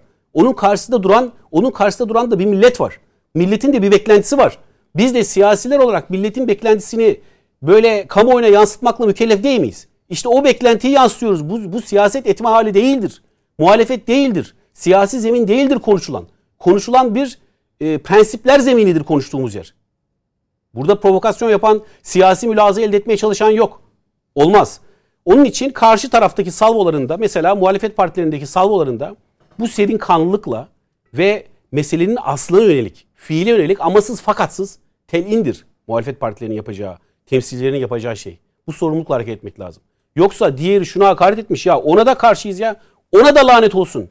Öyle bir şey olmaz. Hani orada ayırt etmeymiş işte haklı görmeymiş gibi bir durum yok. Ama şu anda bir hali değerlendiriyoruz değil mi? Ya bırakınız. Şehidimiz mi? Allah bin kere rahmet eylesin. Şehidimiz mi size hakaret etti ki? Orada şehidimizin bacısını ağzına al- alarak hakaret ediyorsun ya. Bakın e, biz nereden geliyoruz? Sokaktan geliyoruz değil mi? Sokak kültürü bizde vardır elhamdülillah. Bakın Haznedar'da büyüdük.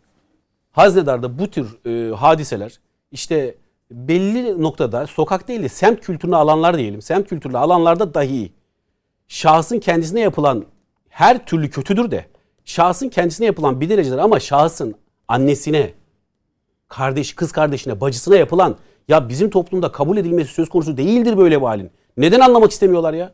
Olmaz.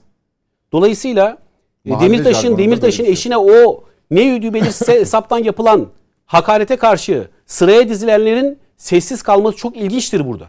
Böyle bir çifte standart olmaz. Biz onu kınadık. Bunu da lanetliyoruz.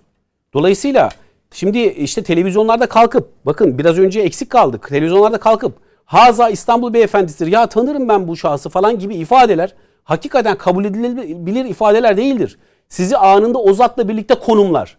Risklidir bu. Bir basın mensubu açısından da risklidir. Böyle tutumları milletin önünde sergilemek risklidir.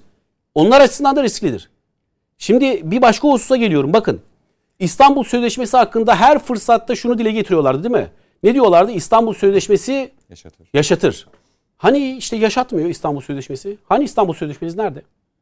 O bacı diye zikredilen kişi kadın değil mi? Kadın değil mi? E ona küfrediliyor, hakaret ediliyor. Nerede bu e, tek standardınız? Prensip duruşunuz nerede sizin? Hani kadın dernekleri nerede? Piyasada mı? Hani o e, bence komik olmayan komedyenler niye tek laf etmiyorlar bu konu hakkında? Bir düşünün bakalım. Edemezler. Etmezler. Dolayısıyla bakın bunlar nedir biliyor musunuz? Bu iğrenç çifte standart şunu gösteriyor bize. Ne demokrasiyle talep ettikleri demokrasiyle demokrasiyi kastediyorlar. Ne talep ettikleri barışla barışı kastediyorlar. Ne talep ettikleri uzlaşmayla bizim anladığımız uzlaşmayı kastediyorlar.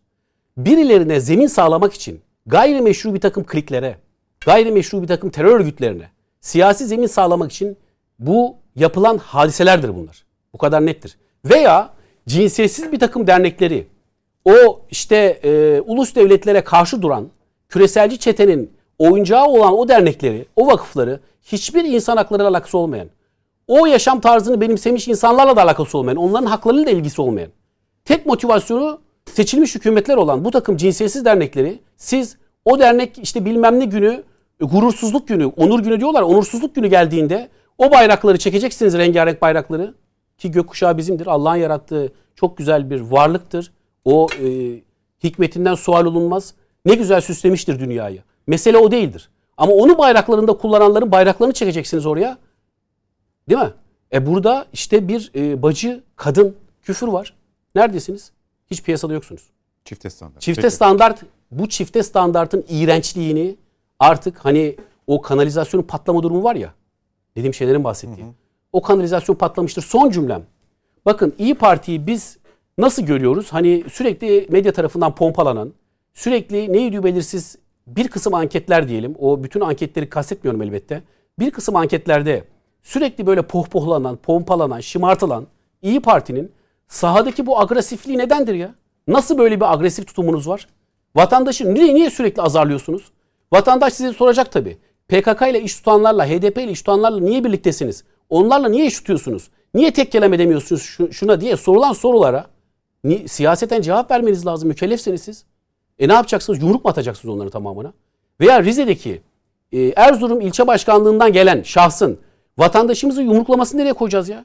Ya hep mi sizde olur bu şeyler ya? Bakın neyle suçluyorlar şimdi? Neyle e, şey yapıyorlar, e, eleştiriyorlar? İşte ekonomi kötü, ekonomi kötü.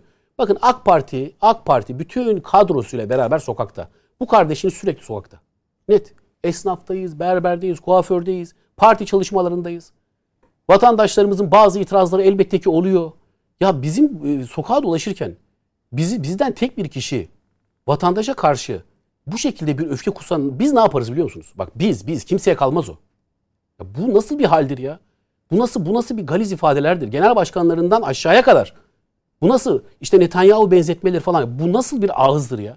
Bu ağzı terk etmeleri lazım. Sahadaki o agresifliklerden vazgeçmeleri lazım. O Niye agresiflikleri gelmiyor mesela? Geldiğinde ne yapıyor? ya biz senelerdir sahadayız.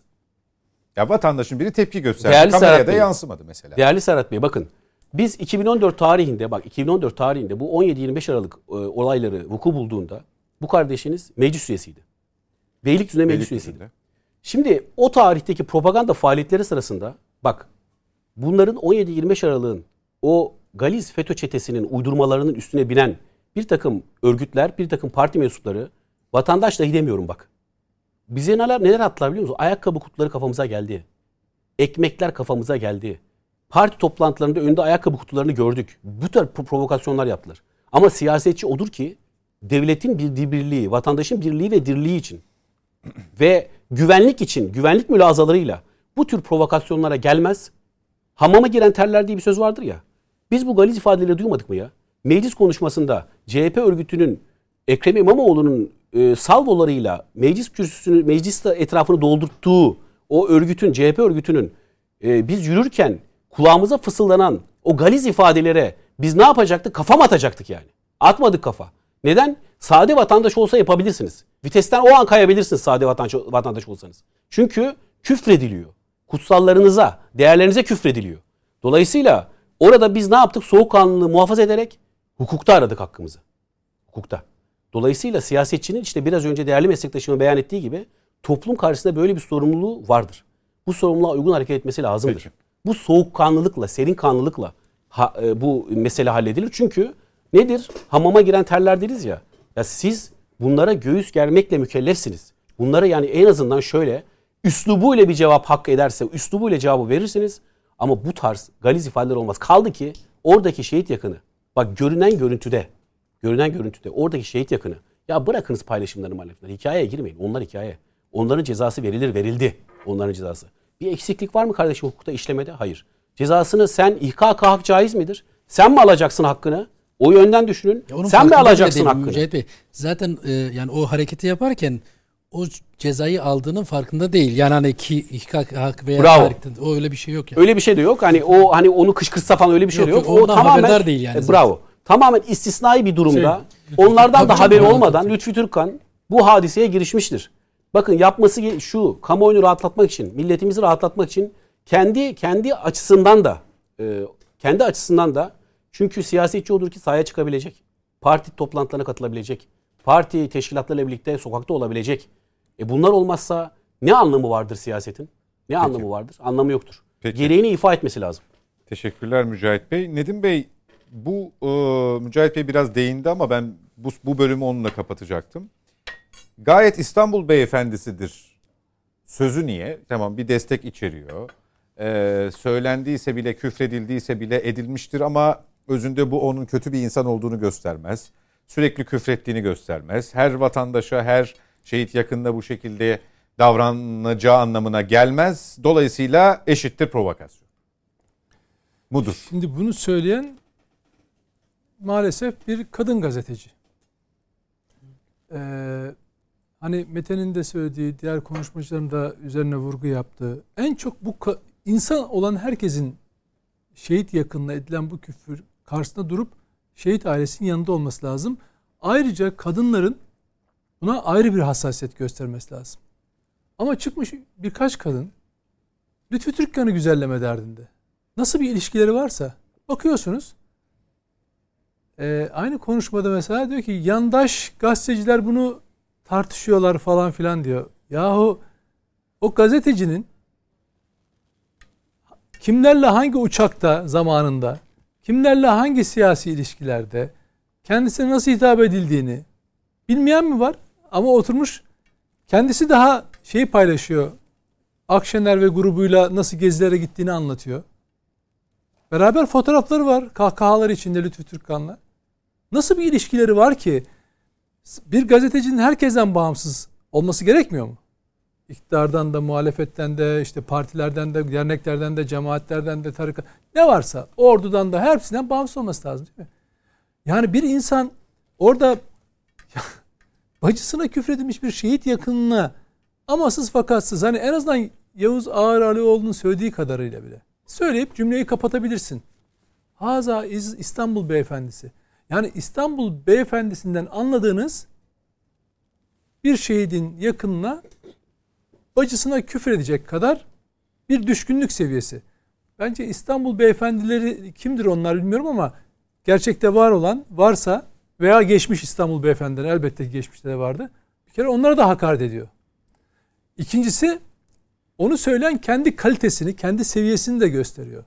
Bir kişinin bacısına küfreden, şehidin bacısına küfreden birinin birini eğer İstanbul beyefendisi olarak tanımlıyorsa o kişi de onun yanına konumlandırır kendisini. Çünkü tanıyor yani. Bir ilişkisi var bunlarla. Şimdi dolayısıyla bu diğerleriyle beraber birleştirdiğiniz zaman bir yumuşatma çabası. Ya bir, bir şeyin karşısında durun. Bir şeyi net olun. Hayır. Çünkü ilişkileri öyle yürütüyorlar. Artık hani diğer maddi manevi e, şey boyutuna hiç girmiyorum. Daha fazlasını söylemek istemiyorum. Şundan o da bir kadın. Ben bununla ilgili hiçbir paylaşım da yapmadım. Bir yorum da yapmadım. Sorduğunuz için söylüyorum. Üzücü. Ben e, nitekim e, Lütfü Türkkan'ın da paylaştığı bazı kadın e, profilli hesaplar vardı. E, bu kişinin şehit o, e, şehit yakını olmadığına dair bir sahte paylaşım vardı. E, iki kendini avukat diye tanıtıyordu. Sonra fotoğrafından baktım, e, arama yaptım. O fotoğraf bir başka avuk bir başka kadına Sahte ait o. sahte hesaptan kendisine atılan yalan tweet'i retweet etmiş. Ona bile cevap verirken yani yazık hani siz de bir kadın olarak sahip çıkmanız lazım. Yani troll bir hesaba belki de Lütfü Türkkan'ın kendisinin işlettiği, adamların işlettiği bir hesap ben bilmiyorum. Ama ona bile cevap verirken orada bir kadın resmi görüyorum ya. Ona diyorum ki ayıp yani bunu yapmamanız lazım. Ayrıca paylaştığınız yalan. Erkek olsa ona uygun bir cevap vereceğim yani. Karşılığını vereceğim ama bir kadın olduğu için sosyal medyada sahte bir hesap dahi olsa bir kadın olduğundan dolayı resim Erkek olduğunu o bilmeden. cevabı yemin ediyorum. Erkek olduğunu bilmeden nezaket göstermişsiniz. Ya ama erkek olsa erkek resmi görsem veya bazıları mesela Atatürk resmi paylaşıyor. Şimdi tam hak ettiğini söyleyemiyorum çünkü Atatürk resmi görüyorum. Duruyorum orada. Basıyorum engeli. Veya bir kadın resmiyle atıyor. yine cevap veremiyorum çünkü bir, ne, bir, bir kadın silüetine hakaret etmiş Ama o olacağım. FETÖ botlarının taktiğidir Atatürk. Ama biliyorum işte ben onu en, ya engellemek de çareyi buluyorum. O seviyeye indirmemek için. Yoksa hak edecek çok güzel cevaplar geliyor yani. Bazen pas atıyorlar çok güzel geliyor. Cevaplıyorsun Geliş- da onları üstelik. Gelişine tek tek. bazen gelişine bazen, Bazen şey vuruyorum. yapıyorum. Ama seviyeyi bir şekilde yapıyorum onları. Yani böyle hakaret etmeden. Yok yani hiç muhatap almasan daha iyi değil mi de- demek istedim. Yok bazen şöyle oluyor. Geneli geneli temsil eden bazı ifadeler oluyor.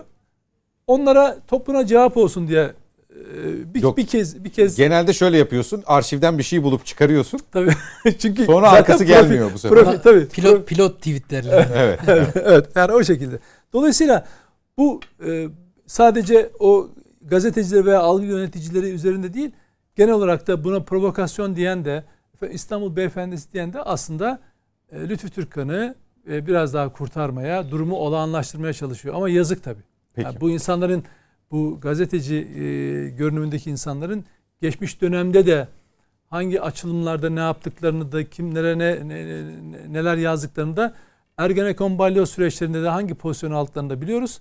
Ama maalesef hep söylediğim gibi utanmazsınız diyorum. Niye utanayım diyor. Evet ben de onu söylüyorum utanmazsınız ve gerçekten utanmıyorlar. Ha, bir de şu var çok kısa bir şey söyleyeceğim bilgi vereyim. Şimdi bu e, kamu bankasından bir borcu var biliyorsunuz kamu bankasına. Şahsın. O kamu bankasındaki borçla alakalı haciz veya ihtiyaç hacize girişilmişse önceden girişilmişse bunu da sakın hani aklıma da gelmiyor değil yani biraz avukat refleksleriyle düşünüyorum. Bu konuyu da sakın işte ben Yap. böyle bir şey yaptım bak benim üzerime şu anda böyle geliyorlar gibilerinden Bir ön alma. ön alma ya yapmasın sakın bak o tehlikeli işler bunlar. Peki. Dolayısıyla kamu bankasına borcunu ne yapacaksın? Tıpış tıpış ödeyeceksin. Peki. Mete Yarar e, İstanbul Beyefendisi de size soracağım ama bir izleyicimizden e, eleştiri gelmiş. Nedim Bey çok az konuşuyor diye. Efendim program 1 saat 15 dakikadır devam ediyor. E, Diğer 3 konuğum 5'er dakika konuştu. Gerisini siz hesap edin. Buyurun Mete. Ben alışkınım. Ben yıllardan beri bu şeyi yaşıyorum. Nedim'le Mağduriyeti. Mağduriyeti yaşıyorum. İki avukat var. Onlara bırakıyorum bu işin hukuki kısmını. Benim geçen demin e, söylediğin çok güzel bir kelime e, sarf ettin. Suskunluk hikayesine geldin. Yıllardan beri otururuz, konuşuruz. Kendi aramızda sohbetlerimiz vardır. Arkadaşlarımıza hayat felsefemiz ve diğerlerine baktığımda ben hayatım boyunca bana yapılan hareketi nasıl oldu da onlara fırsat verdim diye düşünmüşümdür. Hep hayatım böyle geçmiştir. Yani buna nasıl cesaret edebildiler, bunu nasıl söylettim ben onlara diye hep düşünmüşümdür. Çünkü önce kendinle ilgili bir nefsi bir e, şey yapman lazım. Bu olayın içine bak. Duruş vurgusu mu yapıyorsun? Yok yok. Ee, hayat hayata bakışla ilgili. Önce Yani- kendinden başlarsın. Evet, evet. Şimdi benim burada baktığım şey de şu.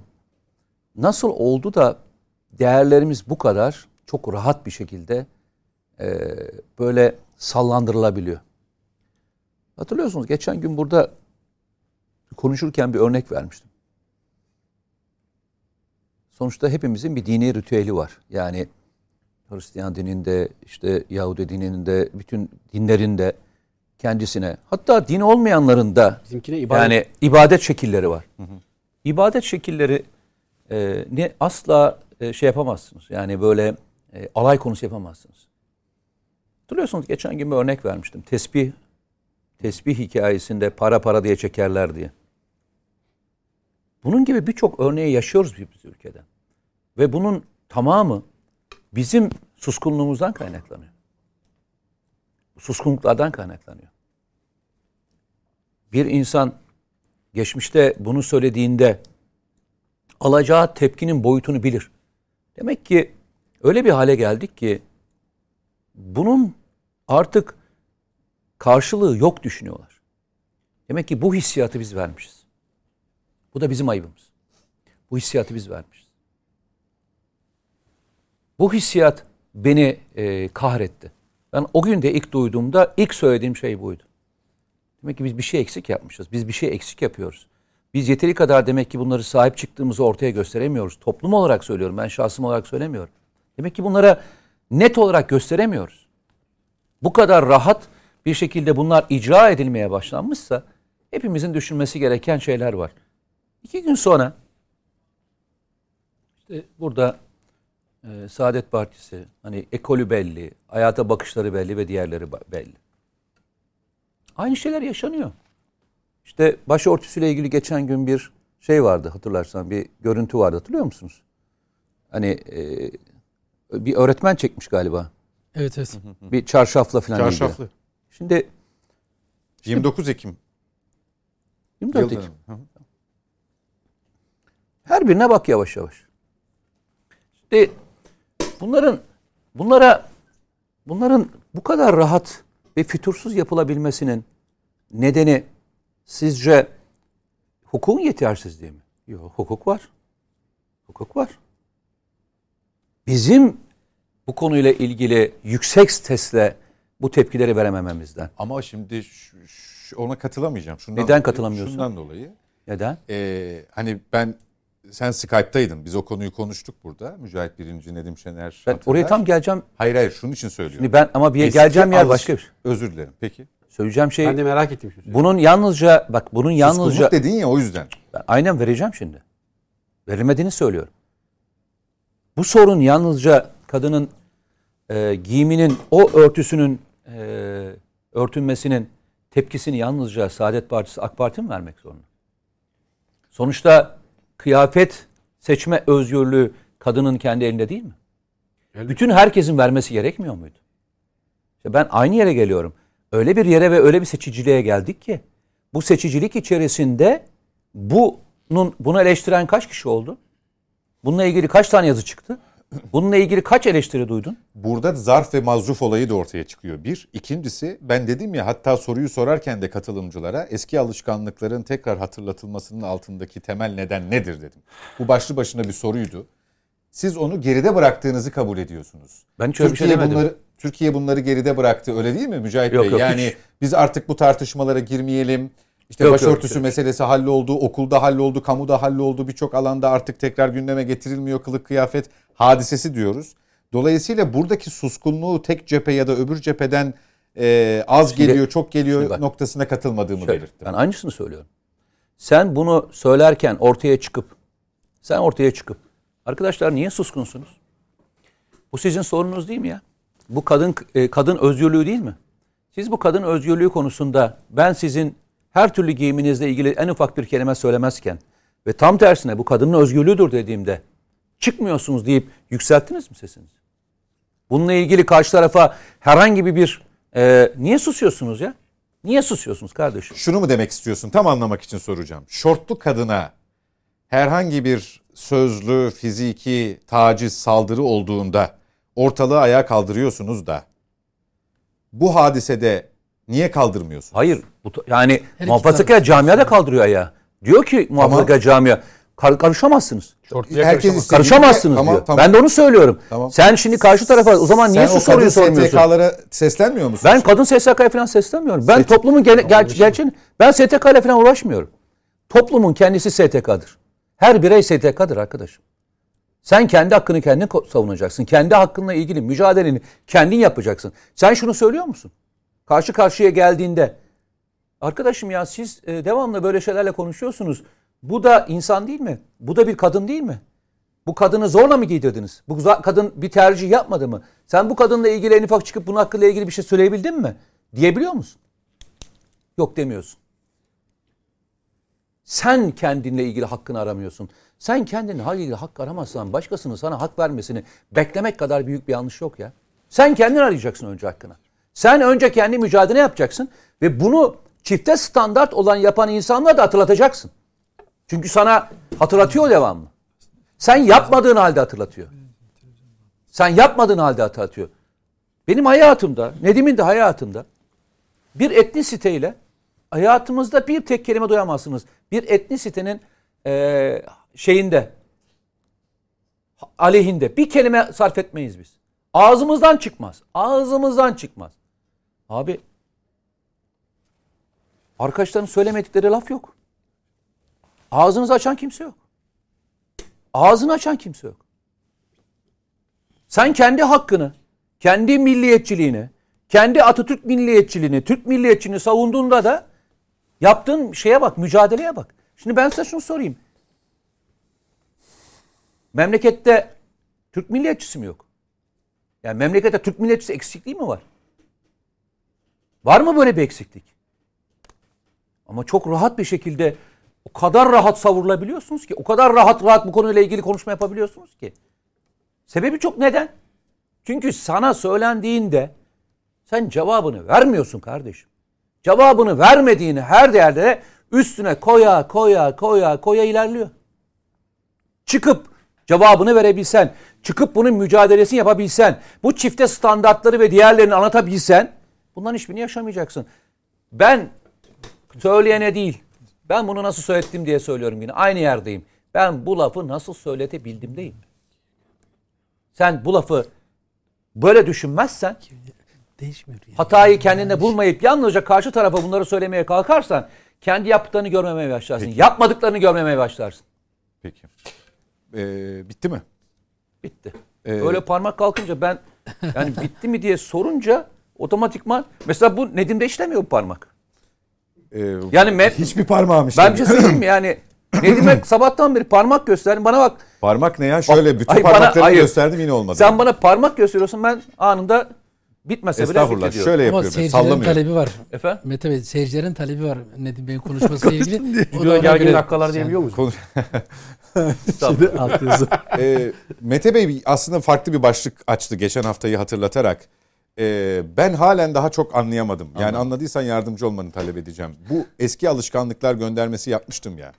Onun üzerinden kime seslendi? Neyi tam olarak Ben kendime Tepki- sesleniyorum. Ben kendime sesleniyorum. hayır hayır yani e, kendine seslendi Neden biliyorum ama rahatsızsan, neden rahatsızsan bu rahatsızlığını önce belli etmek zorundasın.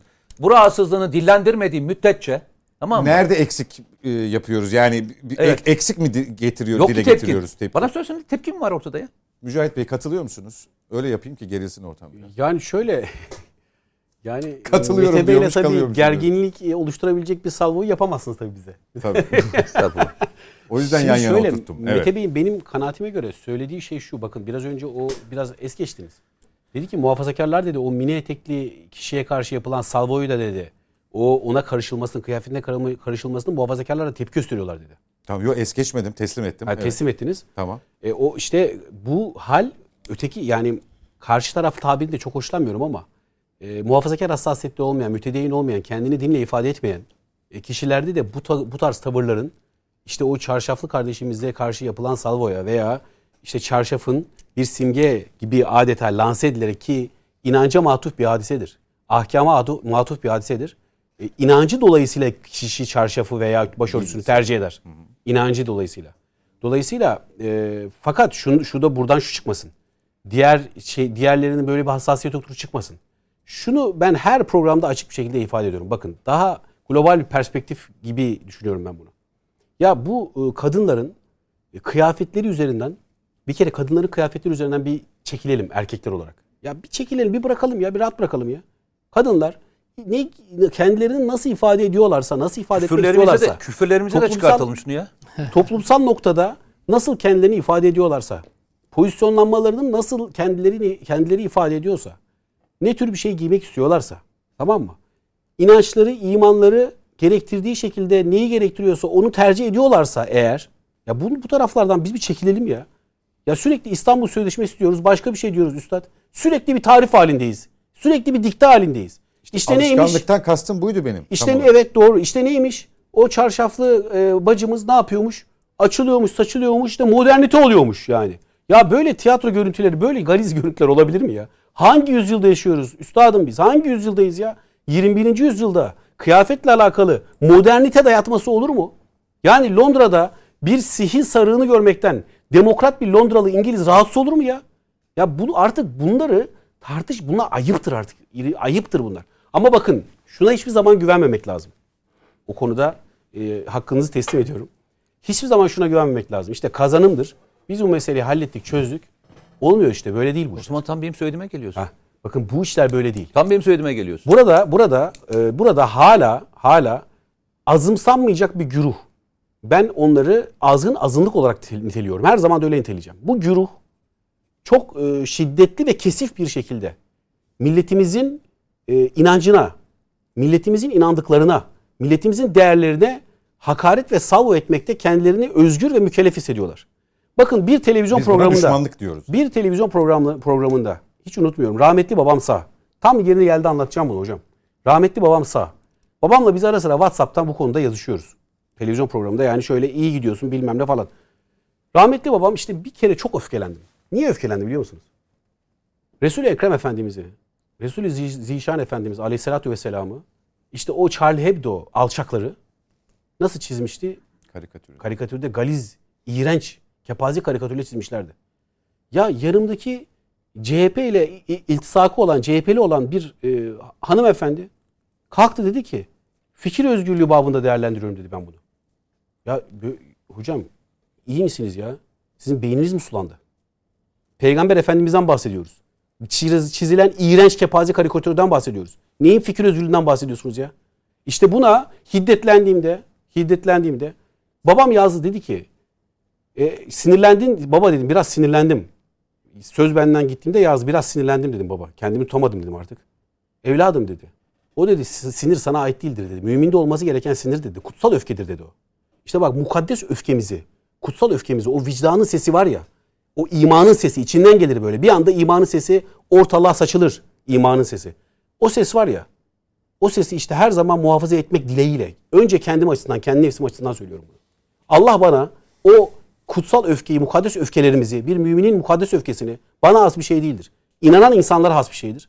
Her zaman muhafaza etmek e, na- nasip etsin Allah'ımız bize. Dolayısıyla böyle mümine ve inançlıya hiçbir zaman böyle şey yoktur. E, Relax yani konforlu bir saha yoktur. Böyle sırtımızda hep böyle oturamayız biz. Onun için bu tür kazanımlara güvenmememiz lazım. Biz her zaman say edeceğiz, çalışacağız. Milletimizin değerleri noktasında çalışacağız. İşte şehadet de o değerlerden en başında olanlardan birisidir. Kur'an-ı Kerim ahkamında da vurgulanarak söylenmiştir, beyan edilmiştir. Müslüman Kur'an-ı Kerim'in sahibi tarafından beyan edilmiştir. ikinci kez sokulmaz. Allah Allahu Azimüşşan tarafından beyan edilmiştir. Şehadetin ne olduğu beyan edilmiştir. Dolayısıyla milletin öyle bir değeri vardır, öyle bir ciddi hasleti vardır. Ya şehadet için koskoca mısralardan oluşan bizim milli marşımız, mar- marşımız ona teksif edilmiş ya. Ey şehit oğlu şehit diye şey yapar dizeleri var başlayan dizeleri var. E biz bu hasletlerimizden vaz mı geçeceğiz yani? Onun için diyorum ki bakın bu hakikaten zinhar bu bir siyasi tutum veya duruş değildir. Bu milletimize has bir tutum ve duruştur.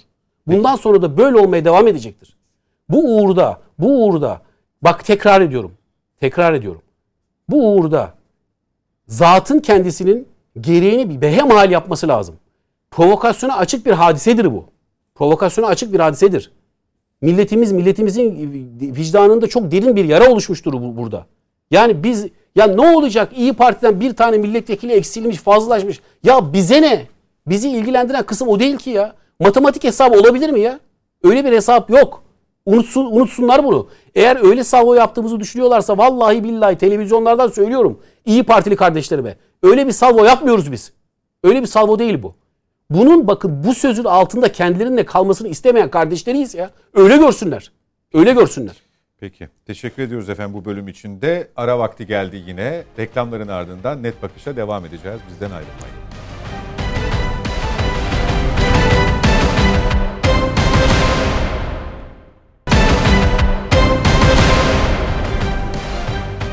Yeniden birlikteyiz efendim. Net bakışa devam ediyoruz. Son etaba girdik. Yavaş yavaş toparlayacağız. Ee, Bir diğer konu başlığımızla sürdürelim bu bölümü.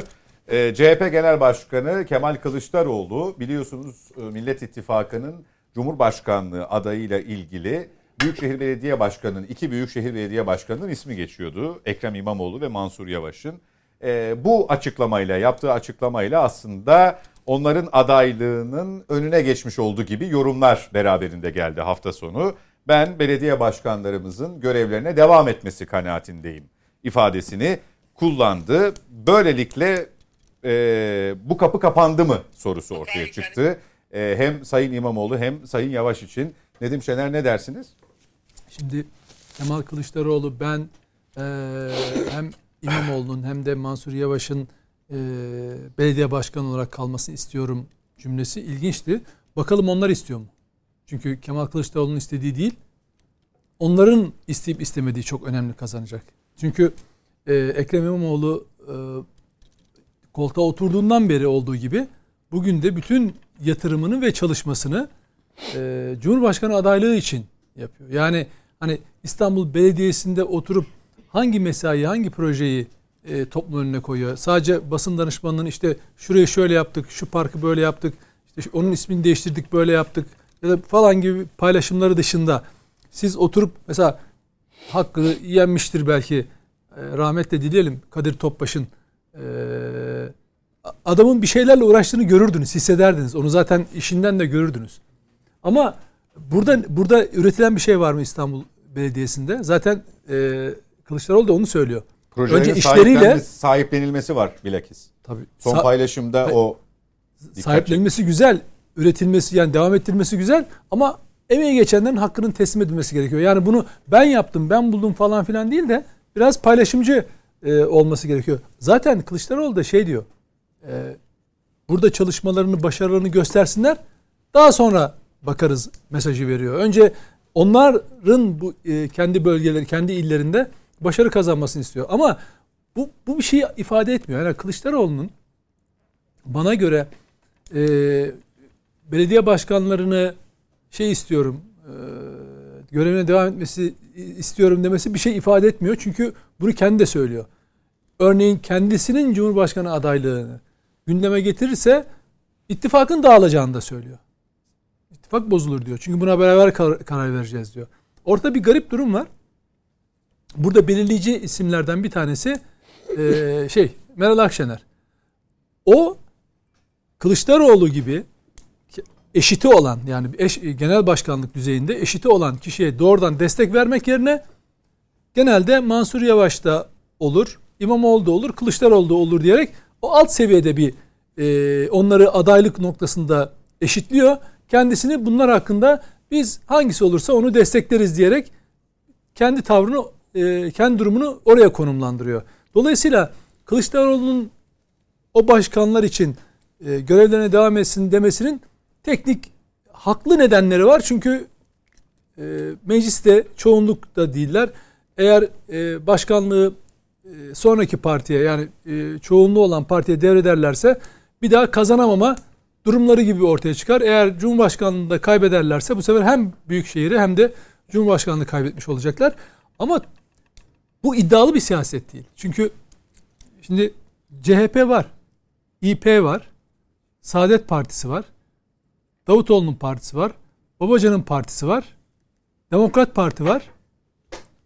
Şimdi 6 6 HDP de var. 7 parti. Şimdi bu kadar büyük yani bu kadar çok e, üyeli doğrudan veya dolaylı e, ittifak yapıyorsunuz. Ama Cumhurbaşkanlığı aday yani Cumhurbaşkanı adayı olmasın dediğiniz belediye başkanı ile ilgili şerhiniz onu kaybedersek onu da kaybederiz. E, iddianız nerede kaldı? O da yok. Bütün bunları bir tarafa bırakalım.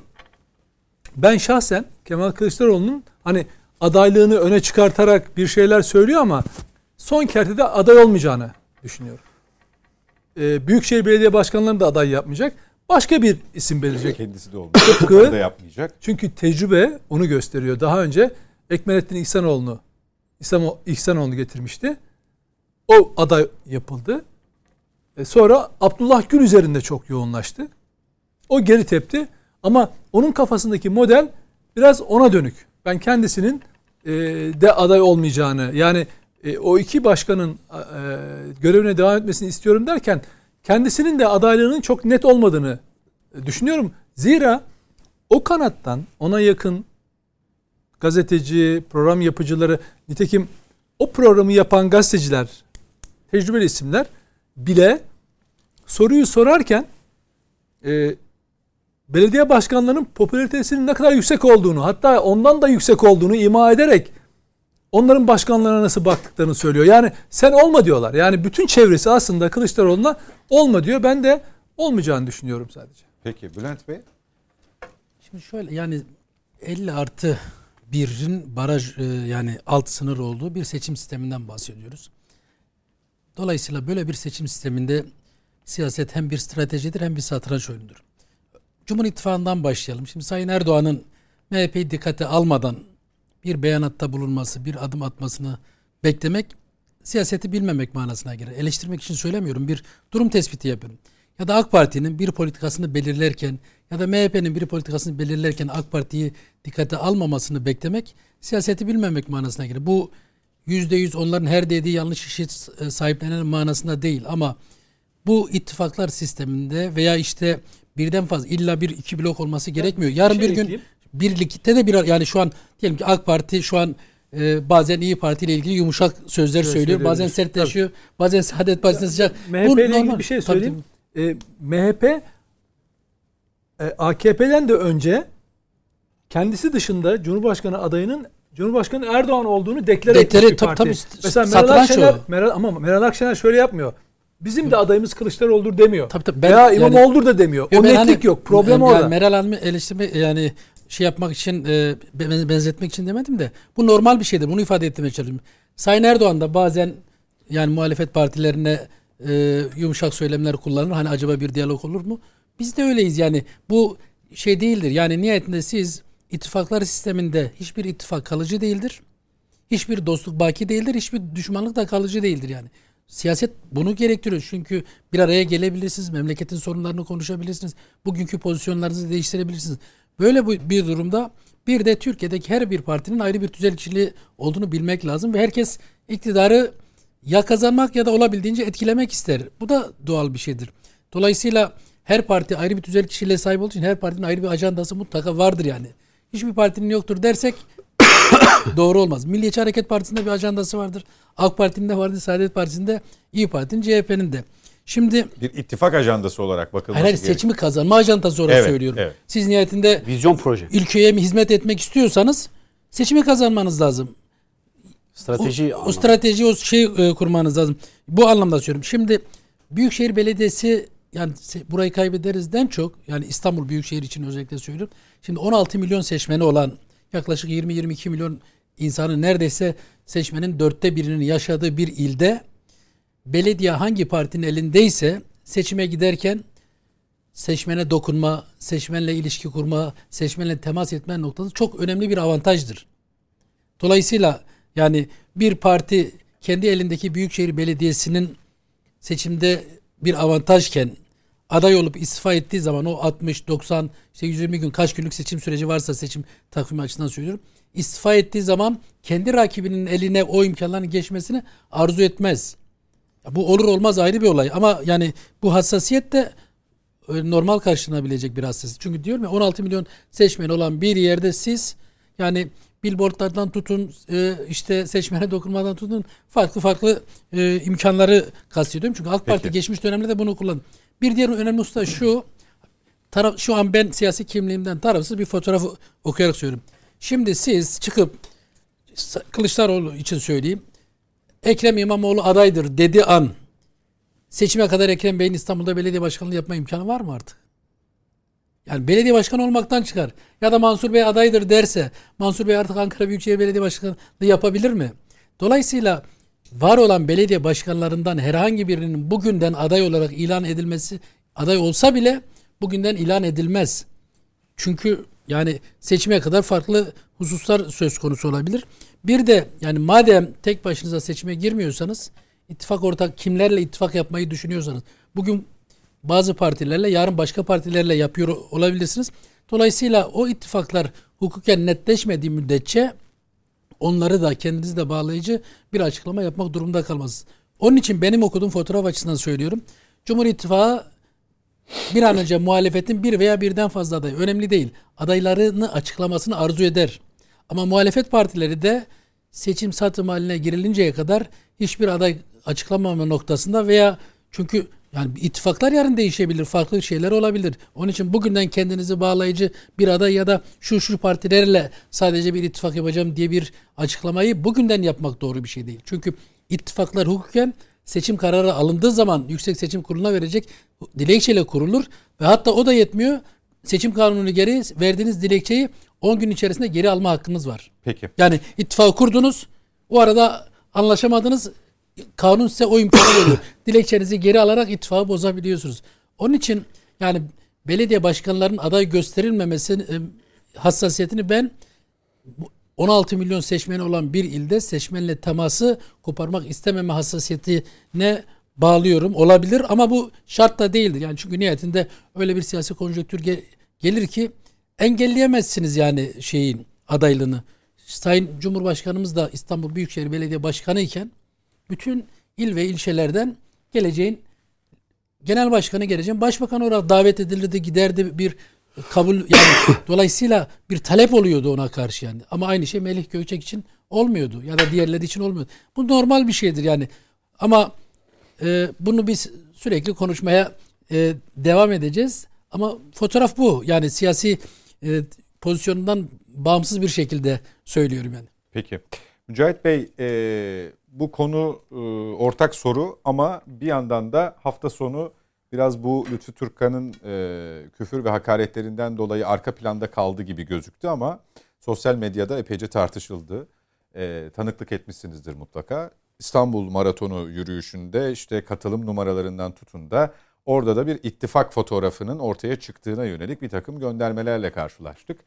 Ee, hatta ve hatta yani bu konu ortada konuşulurken Sayın Meral Akşener'e tepkisiz kalışı ve işte İstanbul Maratonu'nda şu an onunla uğraşıyor gibilerinden de bir takım yorumlar yapıldı. Siz e, her iki ismin de e, Sayın Genel Başkan tarafından bir disiplin işte e, Bülent Bey söyledi icabı görevlerine devam etsinler bir bakalım gibi mi e, mütalaa edildiğini düşünüyorsunuz? Yoksa başkaca bir çekince mi var? Onların ismi çokça zikredildiği. Yani işin sorunun bir siyasi kısmı var bir de e, toplumsal kısmı var. Şimdi öncelikle o bunların işte spor yaparken yürüyüş görüntülerini biraz e, irdelemek lazım. E, tabii spor sağlıktır. Vatandaşlarımıza spor yapmayı tavsiye ediyoruz. E, bu arkadaşlar da genel başkan, iki genel başkan var orada. Hı hı. Belediye başkanı var. İl başkanları var iki partinin. Bunlar da spor yapmaya başlasınlar. Çünkü 2023'ten sonra Allah'ın izniyle e, spor yapmaya biz çok geniş vakit e, sağlayacağız onlara inşallah. Boşluktan spor yapacaklar. Onun için bu alıştırma turlarını yapsınlar, devam etsinler ona. 2023'ten sonra bol bol vakitleri olacak bu spora. spora. Şimdiden başlamaları takdire şayan açıkçası. Şimdi bu noktada e, açıkçası e, Sayın Kılıçdaroğlu'nun beyanı açıkçası çok net beyanı. Hani siyasette bu kadar net bir ifade, bu kadar net bir vurgu hakikaten bir e, iradeyi, bir kanaati e, ortaya koyma açısından yapılır. Yani e, süreç ne getirir konuşacağız işte ittifak ortaklarımızla konuşacağız, değerlendireceğiz ayrıdır. Ama bu kadar net bir vurguyla eğer siz stop işaretinizi gösteriyorsanız elinizin içiyle durun işaret, işaretini gösteriyorsanız burada ben işte şeyden çok hani parti disiplini işte orada çalışsınlar falan gibisinden gibi şeylerden yaklaşımlardan çok bir irade, bir e, kendi partisi açısından bir murat, bir irade sergilediği kanaatindeyim bu bir. İkincisi bu hususun çok fazla iç çekişme yol açacağı kanaatindeyim. Çünkü e, bahsedilen belediye başkanları da elbette bu tür salvolara karşı, bu tür engelleme olarak niteleyeceği salvolara karşı boş durmazlar. Şimdi e, tabii siyasetin kendi iç dinamiği var ama siyasetin iç dinamiği şöyle okumak lazım. Burada Sayın Kılıçdaroğlu'nun tarif ettiği aday veya işte Sayın Akşener'in tarif ettiği aday nasıl bir aday? Şöyle e, bir e, mutabakat yapacaklar. Şöyle A4 kağıdı verecekler adaya. Dayatacaklar. Aday bakın kim olursa olsun X diyelim adaya. Bir verecekler böyle kağıt. Diyecekler ki kardeşim sen yetkilerinden sonradan vazgeçeceğine dair, parlamenter demokrasiye geçeceğine dair ve başbakanın yetkilerini devredeceğine dair bir e, şey imzalı bakalım. Kağıt imzalayacaklar. Şimdi burada adayın bak şahsı önemli değil şu anda. Bu kağıt imzaladıktan sonraki seçimlerden önce 2023 seçimlerinden önce böyle bir mutabakatı imzalayacaklarını, böyle bir mutabakatın olacaklarını vaat ettiler artık. Bundan geri dönüş yok. Niye yok? Çünkü siz güçlendirilmiş parlamenter sistemi e, tavsiye ediyorsunuz. Üzerinde temcit pilavı gibi onu vurguluyorsunuz sürekli. Dolayısıyla e, bu nasıl bir adaydır? Yetkilerinden vazgeçeceğini deklare etmiş. Seçimden önce deklare etmiş nasıl bir adaydır? Benim tabirime göre güdük bir adaydır. Güdükten hakaret amiz bir söz anlaşılmasın. Güdük şudur. Yetkileri budanmış yetkilerinden vazgeçeceğini beyan etmiş. İcraat ve icraat kapasitesi olmayan bir adaydır. Yani vatandaşımızın karşısına çıkacak bu aday diyecek ki ben şunu yapacağım, bunu yapacağım, şöyle yapacağım, şurada iyileştirmeler yapacağım diye vaatlerde bulunacak değil mi? Vatandaşımız peki ne diyecek? Diyecek ki e, sen mutabakat metni imzaladın nasıl yapacaksın bu işleri diyecek. Senin tek görevin bir emanetçi gibi yetkilerini başbakana devretmek olacaktır. Eğer biz kabul edersek o da parlamenter sisteme geçmeyi gibi bir hal söz konusu. Dolayısıyla hakikaten bu hal hem siyaset matematiğine, dinamiklerine aykırıdır hem de adayı e, adı ne olursa olsun adayı güçsüzleştirmektedir. Bu benim kanaatimce e, siyasetin gerçekleriyle bağdaşmayan bir öneridir. Dolayısıyla her defasında bakın söylüyorum ben. Bunun nasıl mümkün olmadığını söylüyorum. Bu mümkün değildir. Dolayısıyla milletimizin aziz zekasıyla dalga geçmeye çalışmanın, çabalamanın alemi yoktur. Birincisi bu mutabakatla yetkilerinden önceden vazgeçecek bir adaydan bahsediyoruz. 2023'te biz onlara çok spor yaptıracağız da o bir tarafa. e, Yani 2023 tarihinde Allah'ın izniyle AK Parti ikinci 20 yılındaki e, hedeflerini deklar edecek milletimize ve inşallah milletimizle el ele bu seçimden de Allah'ın izniyle zaferle e, çıkacaktır AK Parti. Şimdi bunun bir an için böyle olmadığını düşün. Öyle ya milletin iradesi kimsenin cebinde değil. Bizimkisi murattır, bizimkisi çalışma azmidir. Ama Cenab-ı Hakk'ın da bir bildiği vardır. Milletimizin de takdirleri vardır. Hiçbir şekilde milletimizin oylarına edepsizlik yapma mahiyette demiyorum bunu. Bu bir iddiadır. 20 senedir yaptığımız iddianın tekrar ortaya konulmasıdır. Yaptıklarımızla, yaptıklarımızla tekrar ortaya konulmasıdır. Soyut söylemlerle değil, fiziki eylemlerle bakın daha işte dün bir baraj açılışı gördük değil mi? Yani e, o baraj açılın, o barajın e, muhteşemliği, o barajın fiziki yapısı nasıl? Buz gibi ortada değil mi? İşte ben dedim ki AK Parti kadar gerçek. Soyut bir şey yok bizde. Dolayısıyla diyecekler Ama biraz şimdi bu dönem biraz somutlaşmak gerekiyor. Zira sizin de sahada karşılaştığınız ekonomik durum ve şikayetler özelinde. çözeceğiz. O meseleyi, o meseleye bakın e, çok ciddi şekilde iddia sahibiyiz. İşte bu asgari ücret meselelerini falan takip etsinler. 2022'deki emekli maaşlarına, memur maaşı, maaşlarına e, olacak zamları onları bir şey yapsınlar, takip etsinler. Ve e, cari açığı kapatma noktasındaki hamlelerimize dikkat etsinler. Onlar olacak. Onları çözeceğimiz geçmişimizde yaptığımız ekonomik iyileştirmelerden bellidir. Diyorum ya işte bizim o noktada başarılarla dolu bir bagajımız var. O bagajı önüne seriyoruz milletimizin ve milletimiz takdir ediyor. Zamlar devam ediyor biliyorsunuz Tabii değil ki mi? yaparsanız neyi devam ediyor? Zamlar devam ediyor bu. Tabii şimdi e, o zamlarla alakalı, zamlarla alakalı işte konu konuyu şimdi bir merhale daha açtınız böyle pencere. Şimdi o zamlarla alakalı meselede de e, elbette vatandaşımızın Covid sürecinin yansıttığı bir daralma var. Bunu hiçbir şekilde e, inkar etmiyoruz. Vatandaşımızın bu sıkıntılarını ve dertlerini görüyoruz ve biliyoruz.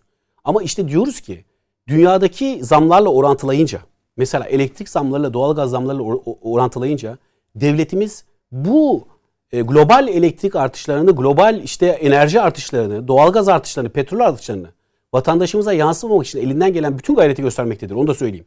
Ve bundan sonra gösterecektir. Ama şöyle söyleyeyim. Dünya her zaman, Türkiye'de her zaman böyle gitmeyecek ki. Yani bütün muhalefetinizi ekonomi üzerine teksif ettiğinizde ki başka bir şu anda e, oynayacak oyuncak yoktur. Başka bir oynayacak, oynayacak oyuncak yoktur. Terör vardır diyememektedirler. Sosyal çatışmalar vardır diyememektedirler. Türkiye'nin işte şu şu şu problemleri vardır pek diyememektedirler. İşte ne yapacaklar? E, gayet tabidir muhalefetin de oradan yürümesi. Ekonomi noktasında itirazları vardır. Doğaldır bu. Ama meseleyi çözeceğiz. Çözecek olan partinin AK Peki. Parti olduğunu milletimiz biliyor. Ama bak yarım kaldı. Tabii öyle devam edin. Ha şimdi e, parantezden o ekonomi parantezini kapattım. Benim şeyimi Şimdi- kullanabilir, süremi kullanabilir. Yok yok. Ee, çok hemen bitiriyorum Mete Erer. Şimdi bakın bu e, parlamenter demokrasiye geçiş sü- sürecinde bir kere Güdük Başkan diyecek ki farz-ı muhal seçimi kazandılar. Bir farz-ı muhal daha. Bir e, referanduma gidecekler. Farz-ı muhal referandumda da milletimiz dedi ki biz bu sistemden vazgeçiyoruz. Par- e, başkanlık sisteminden vazgeçiyoruz. Parlamenter demokrasiye geçiyoruz ve öyle irade beyan ettik dedi oylamada. Referandumda. Tamam. Bir farz-ı muhal daha geçti. iki. Ondan sonra ne yapacaklar? Parlamentoyu oluşturmak için milletvekili seçimi yapacaklar. Milletvekili seçimde de bakıyoruz milletvekili seçimlerine. Mesela işte ekonomi bozuk diyorlar ya. Üç tane seçim vaat ettiler. Milletvekili seçimlerinde de bir baktılar ki, bir baktılar ki şu anda ve 20 yıldır Türkiye'nin birinci partisi olan ve birinci parti özelliğini şu anda da yitirmeyen AK Parti diyelim ki milletvekili seçimlerini kazandı Serhat Bey. Kazandı. Yani ne diyecekler bunlar vatandaşlara dönüp? Şunu mu diyecekler? E biz tamam e, bir başkan evet %50 artı bir bizim adayımızı desteklediniz evet. Ondan sonra işte referandum yaptık e, evet dediniz. Parlamenter sisteme geçtik evet. E, milletvekili seçimlerini yaptık şimdi de evet. E, ne oldu? AK Parti kazandı. Başbakan AK Parti'den. Ya e, şimdi bunu niye su ifade ediyorum biliyor musunuz? Bunun siyaseten ya böyle bir böyle bir gelecek inşallah tasavvur etmiyoruz da yani AK Parti 2023'ün Millet İttifakı Cumhur İttifakı 2023'ün e, baskın ittifakı olacaktır. Bak onu net bir şekilde ifade edeyim ama bu halde dahi onların penceresinden baktığımızda dahi bunun nasıl uygulanamaz olduğunu görüyoruz siyaseten. Yani siyasetin dinamikleriyle, gerçekleriyle bağlı bir e, önermeleri yoktur bu arkadaşlarımızın. O yüzden şunu ifade edeyim. Bakın biraz önce son sözüm. Biraz önce Saadet Partisi'nin değerli genel başkan yardımcısı şunu ifade etti. Bakın. Hani seçim stratejileri vardır ya, seçime yönelik stratejiler vardır. O sebeple böyle kesif ve kat'i bir şekilde ittifaklar noktasında bütün yanlışların arkasında durmak, e, bütün işte şu tür e, galiz ifadelerin, Lütfü Türkkan'ın sarf ettiği tarzda galiz ifadelerin arkasında durmak siyaseten kimseye bir şey kazandırmaz. O yüzden o sebeple bütün tüzel kişiler kendi politikaları ve kendi e, tüzükleri, önermeleri doğrultusunda pozisyon almaları rasyoneldir. Bunun bunun aslında aslına bakarsanız bu kural Millet İttifakı için daha geçerli bir kuraldır. Neden? Çünkü onlar ne ifade ediyorlar? Bizimkisi bir seçim ittifakıdır diyorlar. Bunu vurgulaya vurgulaya söylüyorlar. Dolayısıyla şunu ifade ediyorum e, açık ve net. Sözün sonu şu. Millet İttifakı'nda köprünün altından çok sular akma elverişlidir. Onu net bir şekilde ifade edeyim. Ama burada kimse kimseyi yatsımayacaktır elbette. Yani siyasetin dinamikleri Millet İttifakı'nda bazı değişimlere sebebiyet verebilir. Burada da kimse kimseyi yadırgamayacak. İşte kimse kimseyi sen öyle dün duruyordun, böyle bugün böyle duruyordun. Hayır. Siyasetin gereği böyle bir mekanizma siyasetin gereğidir. Bir bakarsanız HDP ile birlikte duramayacak hale gelirsiniz. HDP ile birlikte duramayacak hale toplum Peki. millet sizi getirir. Dolayısıyla Cumhur İttifakı için de yabana atmam. Öyle geleceğim, pozisyonlar- geleceğim şimdi size. öyle pozisyonlar dolayısıyla e, siyasi partiler için geçerli olabilir. Cumhur İttifakı ben Millet diyorum. İttifakı'ndan bu tarz suların akacağı kanaatindeyim. Peki. E, Mete Bey'e geçecektim ama şimdi buraya bir e, karşılık vereceğinizi düşündüm. Karşılık Mücahit vermekten Bey'in. ziyade yani diyorum ya siyasette kalıcı dostluklar ve kalıcı düşmanlıkların olmadığını en iyi örneği AK Parti'dir. Hatırlayın Devlet Bahçeli'nin Sayın Erdoğan'la ilgili söylediği sözleri, AK Parti ile ilgili söylediği sözleri, bugün gelinen noktayı. Hatırlayın HDP ile ilgili AK Parti'nin geçmiş yaklaşımlarını, bugün geldiği noktayı. Ya Cumhuriyet için- Halk Partisi yetkililerinin sizin genel başkanınızla ettiği sarf Tabii ettiği ki sözleri falan. evet. söylüyorum el. Yani Sayın, er, Sayın Erbakan'ın Tansu Çiller'le kurduğu hükümet var. Bülent Ecevit'le kurduğu hükümet var. Yani şöyledir siyasette bu bir şey yani siz bir sonuç almaya odaklanıyorsunuz. Anlaştığınız konularda milletin sorunlarını çözmeye çalışırsanız. Yüzde yüz her şeyde ittifak ederiz milletin sorununu çözeriz derseniz o zaman zaten tek parti olmanız gerekiyor. Asıl olan millete hizmet noktasında bir ortak noktada buluşabiliyor musunuz? Şunu net bir şekilde ifade edeyim. Yani önümüzdeki dönemin çatlayacak ittifakı Cumhur İttifakı'dır. Şunun için söylüyorum. Çünkü AK Parti artık Milliyetçi Hareket Partisi'nin kendi üzerinde oluşturmuş olduğu baskıyı kaldıramayacak bir duruma gelmiştir. Neden? Şundan dolayı çünkü AK Parti'nin politikaları Milliyetçi Hareket Partisi'nin politikaları tarafından gölgeleniyor. AK Parti bu değil. AK Parti daha değişimci, daha dönüşümden yana temel hak ve hürriyetleriyle ilgili yaklaşımı çok daha farklı. Yani MHP engel mi teşkil ediyor? hayır en- engel değil MHP'nin geçmişten beri duruşu bu. Ben MHP eleştirmek için söylemiyorum. Onun da kendine göre istikrarlı bir siyasi yapısı var. Ama şu an AK Parti seçmenin en fazla itiraz ettiği nokta AK Parti MHP'lileşiyor. Bu itiraz yüksek sesle bizim çevremizdeki arkadaşlar tarafından dile getirilme başlanıyor. Yani AK Partili arkadaşlar için söylüyorum. Mücahit Bey katır katır ben bunu partiyi eleştirmek için söylemiyorum. Samimi bir şekilde söylüyorum Mücahit Aynı Bey. şeyin hani AK Halk duygularına Partisi'yle o yakınlaşmanız hani o çok eleştirilen şey o da ben o da eleştirilir. Yani ben de kendimi şöyle söyleyeyim. elbette yani ben niyetinde hani şu şu da takdir ediliyor. Yani niyetinde Saadet Partisi Türkiye'de bu kutuplaşmayı ortadan kaldıran bir parti.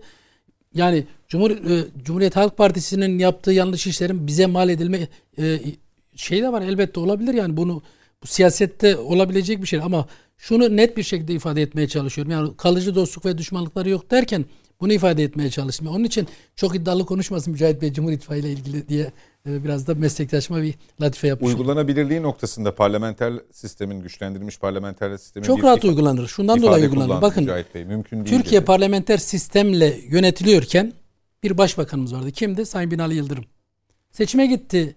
Ey halkım dedi. Başkanlık sistemine geçeceğiz. Cumhurbaşkanlığı hükümet sistemine. Hatta ben kendime iş arıyorum diye espriyi de yapıyordu.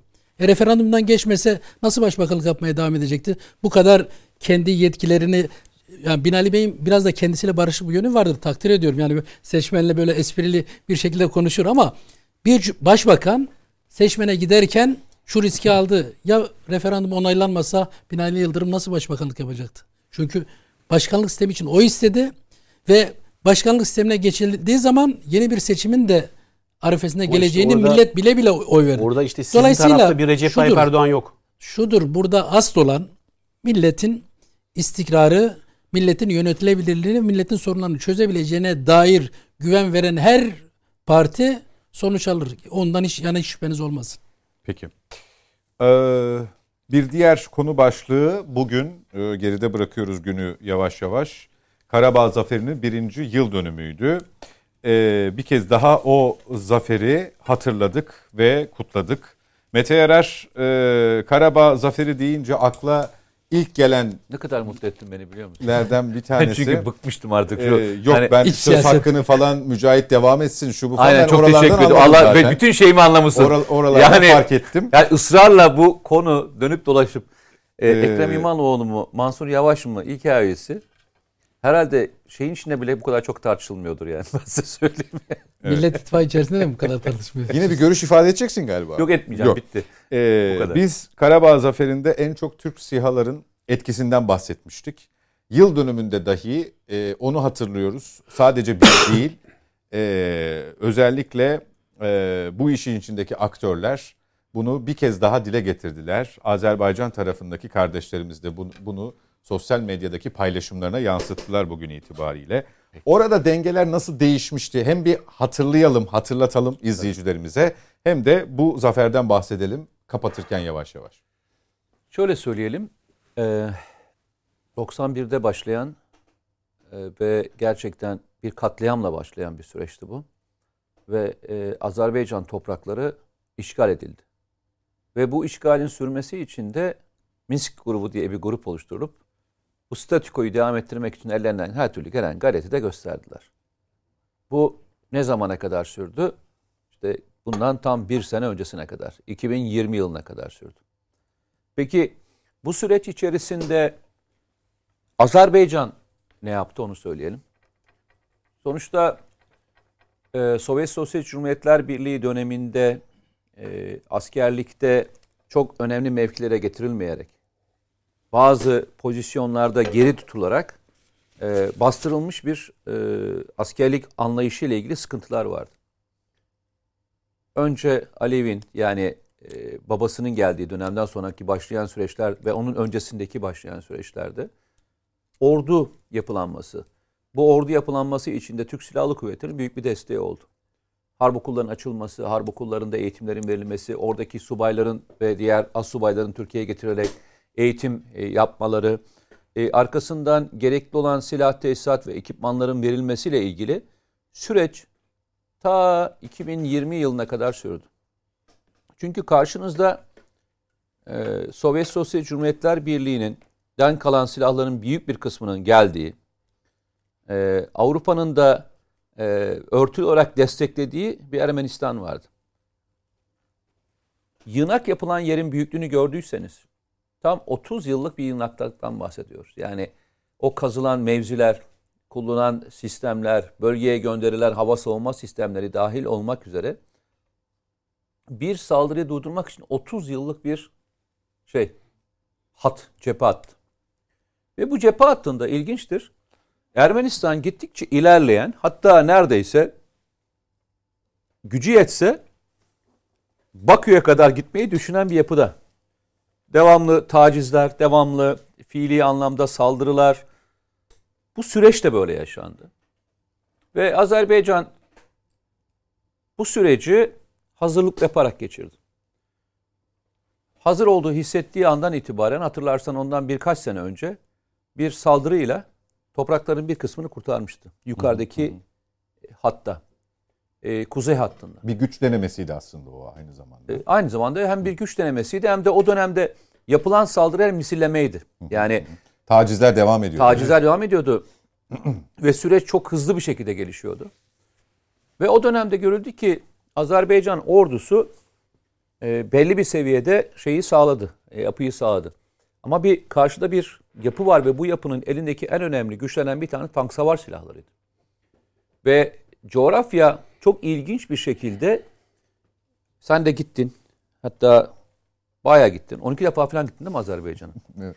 Ee, en son iki defa da üç defa da gittin. O bütün hattı karayolda geçtin. O karayolun ne kadar mahkum bir arazi olduğunu gördün. Vadiden gitmek zorundasın. Bu bölgede yapılacak Risk olan halen devam ediyor çünkü. bölgede yapılacak olan bir zırhlı harekatın Mahkum derken dezavantajlı mı yani? tabii tabii çok Silah. dezavantajlı. Yani e, taarruz eden için çok dezavantajlı. Anladım. Çünkü belli bir kanala girmek zorundasın Hmm.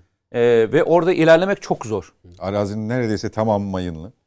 Şimdi böyle bir yapıda tank savar silahları ve hava savunma sistemleri var. Biraz hızlanabilir miyiz? Tabii. Böyle bir ortamda Türkiye'nin ekstra olarak destek vermesi gerekiyordu. TB2'lerden elde etmiş olduğu e, gücü aktarması gerekiyordu. Ve e, komuta olarak kurmay zekasını daha önceki bütün birikimine aktarması gerekiyordu. Bu birikimler aktarıldı ve e, harekatın başından sonuna kadar da Türkiye dengeyi bozacak hiçbir aktöre müsaade etmeyeceğini gösterdi.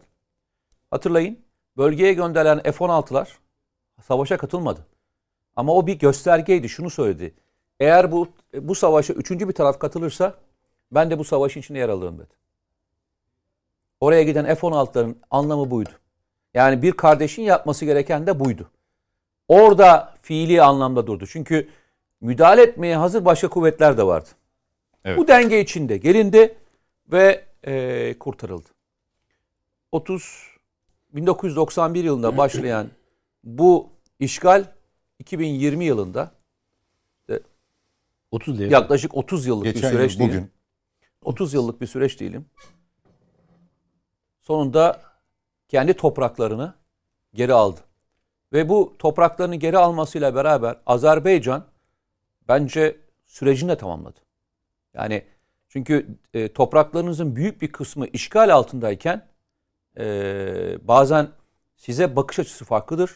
Topraklarınızı kurtarmış olarak çıktığınızdaki tablonuz çok daha farklıdır. peki. Şu anda farkındaysanız Azerbaycan'ın, Cumhurbaşkanı'nın, Azerbaycanlıların konuşmasındaki durumu görüyorsunuz. Toprakları tamamen işgalden kurtarılmış, gücünü ispatlamış, Kendine gö- kendine güveni, güveni, tam. gelmiş bir e, durumda ve gittikçe artıyor. Ben her gün konuştuğum insanlar Türkiye'ye gelen ekipleri ve diğerlerini tanıdıkça şunu görüyorum. Çok güçlü bir şekilde geliyorlar. Başka bir şey daha çok güçlü bir şekilde geliyor. Azerbaycan'la Türkiye'nin ilişkileri zamanında kardeşiz falan diye söylüyorduk. Şimdi onu soracaktım. Kardeşiz diye söylüyorduk. Ama kardeşliğin bazen ispata gerekli olur. O ispat bazen kanla olur. O ispat bazen canla olur. O ispat bazen mücadeleyle olur. Bazı şeyler sözde kalmaz. Peki. Dostluklar gibidir. O iki tarafta bu dostluğu ve kardeşliği ispatladı. Arkasına eklenecek olan Pakistan, arkasına eklenecek olan ki son dönemde çok müthiş bir şekilde geliyor. Türk Konseyi bence bundan sonra belirleyecek Perçin, en önemli. perçinleyici nitelikli. Karabağ yalnızca Karabağ kapısını açmadı. Peki. Türk Cumhuriyetlerinin kapısını da açtı. Peki. Nedim Şener iyi misiniz? Hoş geldiniz yayınımıza. Teşekkür ederim sağ. Bu suskunluğunuzun sebebi konusunda bir fikir yürütebilir miyim? Uzman uzmanları dinlerken ses Hayır, hayır çıkarmıyorum. benden aldığınız 3 kitap olabilir mi? Bir de onu yayına getirmişsiniz. Şimdi fark ettim. O şeyden Kütüphaneden çıkarken ay çıkarken e, unutmayayım diye. Dedim Evet, kayıt, kayıt evet. altına Ben onu tanıyorum. Ben onu tanıyorum. Evet. Evet, kayıt lazım altına, kayıt kitapları altına aldım. almış olduk böylece. Mücahit Evet. Bey'in hatırlattığı iyi oldu. İsimlerini söyle. Ee, Gerek yok. Mete Yarar'ın söylediği e, kısım çok önemli. Onu soracaktım tam. Biz e, Azerbaycan'la olan kardeşliğimizi, dostluğumuzu 90'lı yıllardan bu yana işte her seferinde vurgularız, dile getiririz ama sanki bu Karabağ zaferi, bizim oradaki desteğimiz, e, bu manevi güçlerin birleşmesi bunu gerçek anlamda kanıtlar nitelikte oldu. Diğerleri sanki böyle hani sözde kalıyordu gibi de Yok, yok, demeyelim öyle de demeyelim. Yani öyle öyle de yanlış demeyelim. O da yanlış anlaşılmasın. Yanlış anlaşılmasın. Ee, bu bunu yani bu dostluğun nişanesini gerçek anlamda gördük Taşlandırdı sanki. diyelim. Evet. Taşlandırdı. Ben- en üst seviyeye çıkardı diyelim. 90'lı yıllarda e, yanılmıyorsam Elçi Bey'in Hı hı. bir açıklaması vardır. E, orada yararlılar olduğunda e, istenmesine rağmen bir helikopter dahi gönderemediğimiz zamanlar vardı. Evet, biraz da imkansızlıklar. Diyor imkansızlık Meselesi. değil. Yani bir denge politi- şimdi kardeşiz falan diyoruz ama orada bir denge politikası güdülüyor. Yani ve e, mesele şu. Tü- Yani olayı evet Rusya boyutu var. Rusya'nın etkisi büyük. Hayır, şimdiki imkanlara da sahip o zaman değiliz için ama. söylüyorum. Bir helikopter gönderemeyecek, ambulans helikopter gönderemeyecek durumda değiliz ama. Yani anlatabiliyor muyum? O çünkü başka bir şeyi e, tarif ediyor o ilişkiler. İkincisi e, 90'lı yıllarda bir handikap yapıldı. Türkiye devletinin e, büyük bir eksikliğidir o. E, mesela Türk Türk Cumhuriyetleri ile Türkiye'nin ilişkilerini zehirleyen en önemli yapılardan bir tanesi Fethullahçı terör örgütüydü orada. Hı hı. Hatta büyükelçiliklerimiz açılmadan orada okullar açtılar. Yani bütün Türkiye Cumhuriyetleri nitekim mesela Kırgızistan tek başına neredeyse FETÖ'nün Alamut Kalesi diye tarif ediyorum ben onu. Yani devletin Cumhurbaşkanı'dan aşağıdaki bürokrata kadar FETÖ ile iltisaklı. Ama Bir, bir buçuk dakika toparlayalım. Dolayısıyla artık o ilişkiler bütün tabii 15 Temmuz Türkiye'nin o coğrafya bakışını da değiştirdi. Ve orada tasfiyeler yaşandı. Yani Kırgızistan gibi bir ülkedeki FETÖ'nün Alamut kalemisi orada bile oranın Orta Asya imamını Türkiye alıp gelmeyi başardı. Ve şimdi orada geniş çaplı bir e, soruşturmada devam ediyor. Dolayısıyla ilişkiler Türklerin kardeşliği ortaya çıkınca yani belirginleşince e, daha netleşti. Artık daha önce Türkiye hakikaten birileriyle muhatap oluyordu o devletlerin içinde ama kime çalıştıklarını bilmiyorsunuz.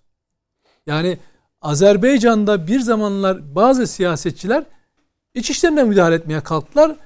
Ee, Cumhurbaşkanı o zamanki bizim Cumhurbaşkanımız o dönemki Cumhurbaşkanına darbe oluyor ülkene dön demek durumunda kaldı. Yani bambaşka ilişkiler içinde oldu. Şimdi bütün o ilişkiler temizlendi. 15 Temmuz sadece Türkiye değil Türkiye Peki. Türk Cumhuriyetlerinde Türkiye bakışında e, netleştirmiş oldu. ve netleştirmiş Evet. oldu. Bülent Bey Karabağ Zaferi ile ilgili Karabağ birkaç Zaferi cümle lütfen. elbette yani e, 90'lı yıllardan bu yana işgal altında olan toprakların bir zaferle en azından geçmişe göre daha iyi bir pozisyona gelmiş olması sevindirici bir şey ama bu nihai bir e, aşama değil elbette. E, asker yani başarılar ve zaferler sadece askeri imkanlarla değil aynı zamanda siyasal konjektür, e, Bu diplomasi operasyonların sonrası ve imkanlarıyla da taşlanır. Çünkü o süreçte Ermenistan'ın da yaptığı büyük bir hata vardı. Batı yanlısı bir politika izler duruma gelince Rusya'nın da oradaki e, sürece dair diplomatik destekleri e, söz konusu oldu. Bunu da ya bu fırsatları da değerlendirmek bir başarıdır o anlamda söylüyorum. Gelinen nokta itibariyle Türkiye'nin orada hem lojistik hem de sahadaki etkinliği elbette arttı. Bu e, olumlu bir şey. Yine e, işgal altındaki toprakların e, geri alınmış olması olumlu bir şey ve bunun da manevi bir güç e, vermiş olması Azerbaycan'a yine bir şey. Ama bundan sonra dikkat edilmesi gereken şey yani Rusya yani ister Ermenistan olsun ister Azerbaycan ister bölgedeki diğer ülkeleri bir imparatorluk bakışıyla kendi toprakları olarak görme hevesi içerisinde. evet. Dolayısıyla oradaki o hassas dengeleri birbirine karşı kullanmaya çalışacak.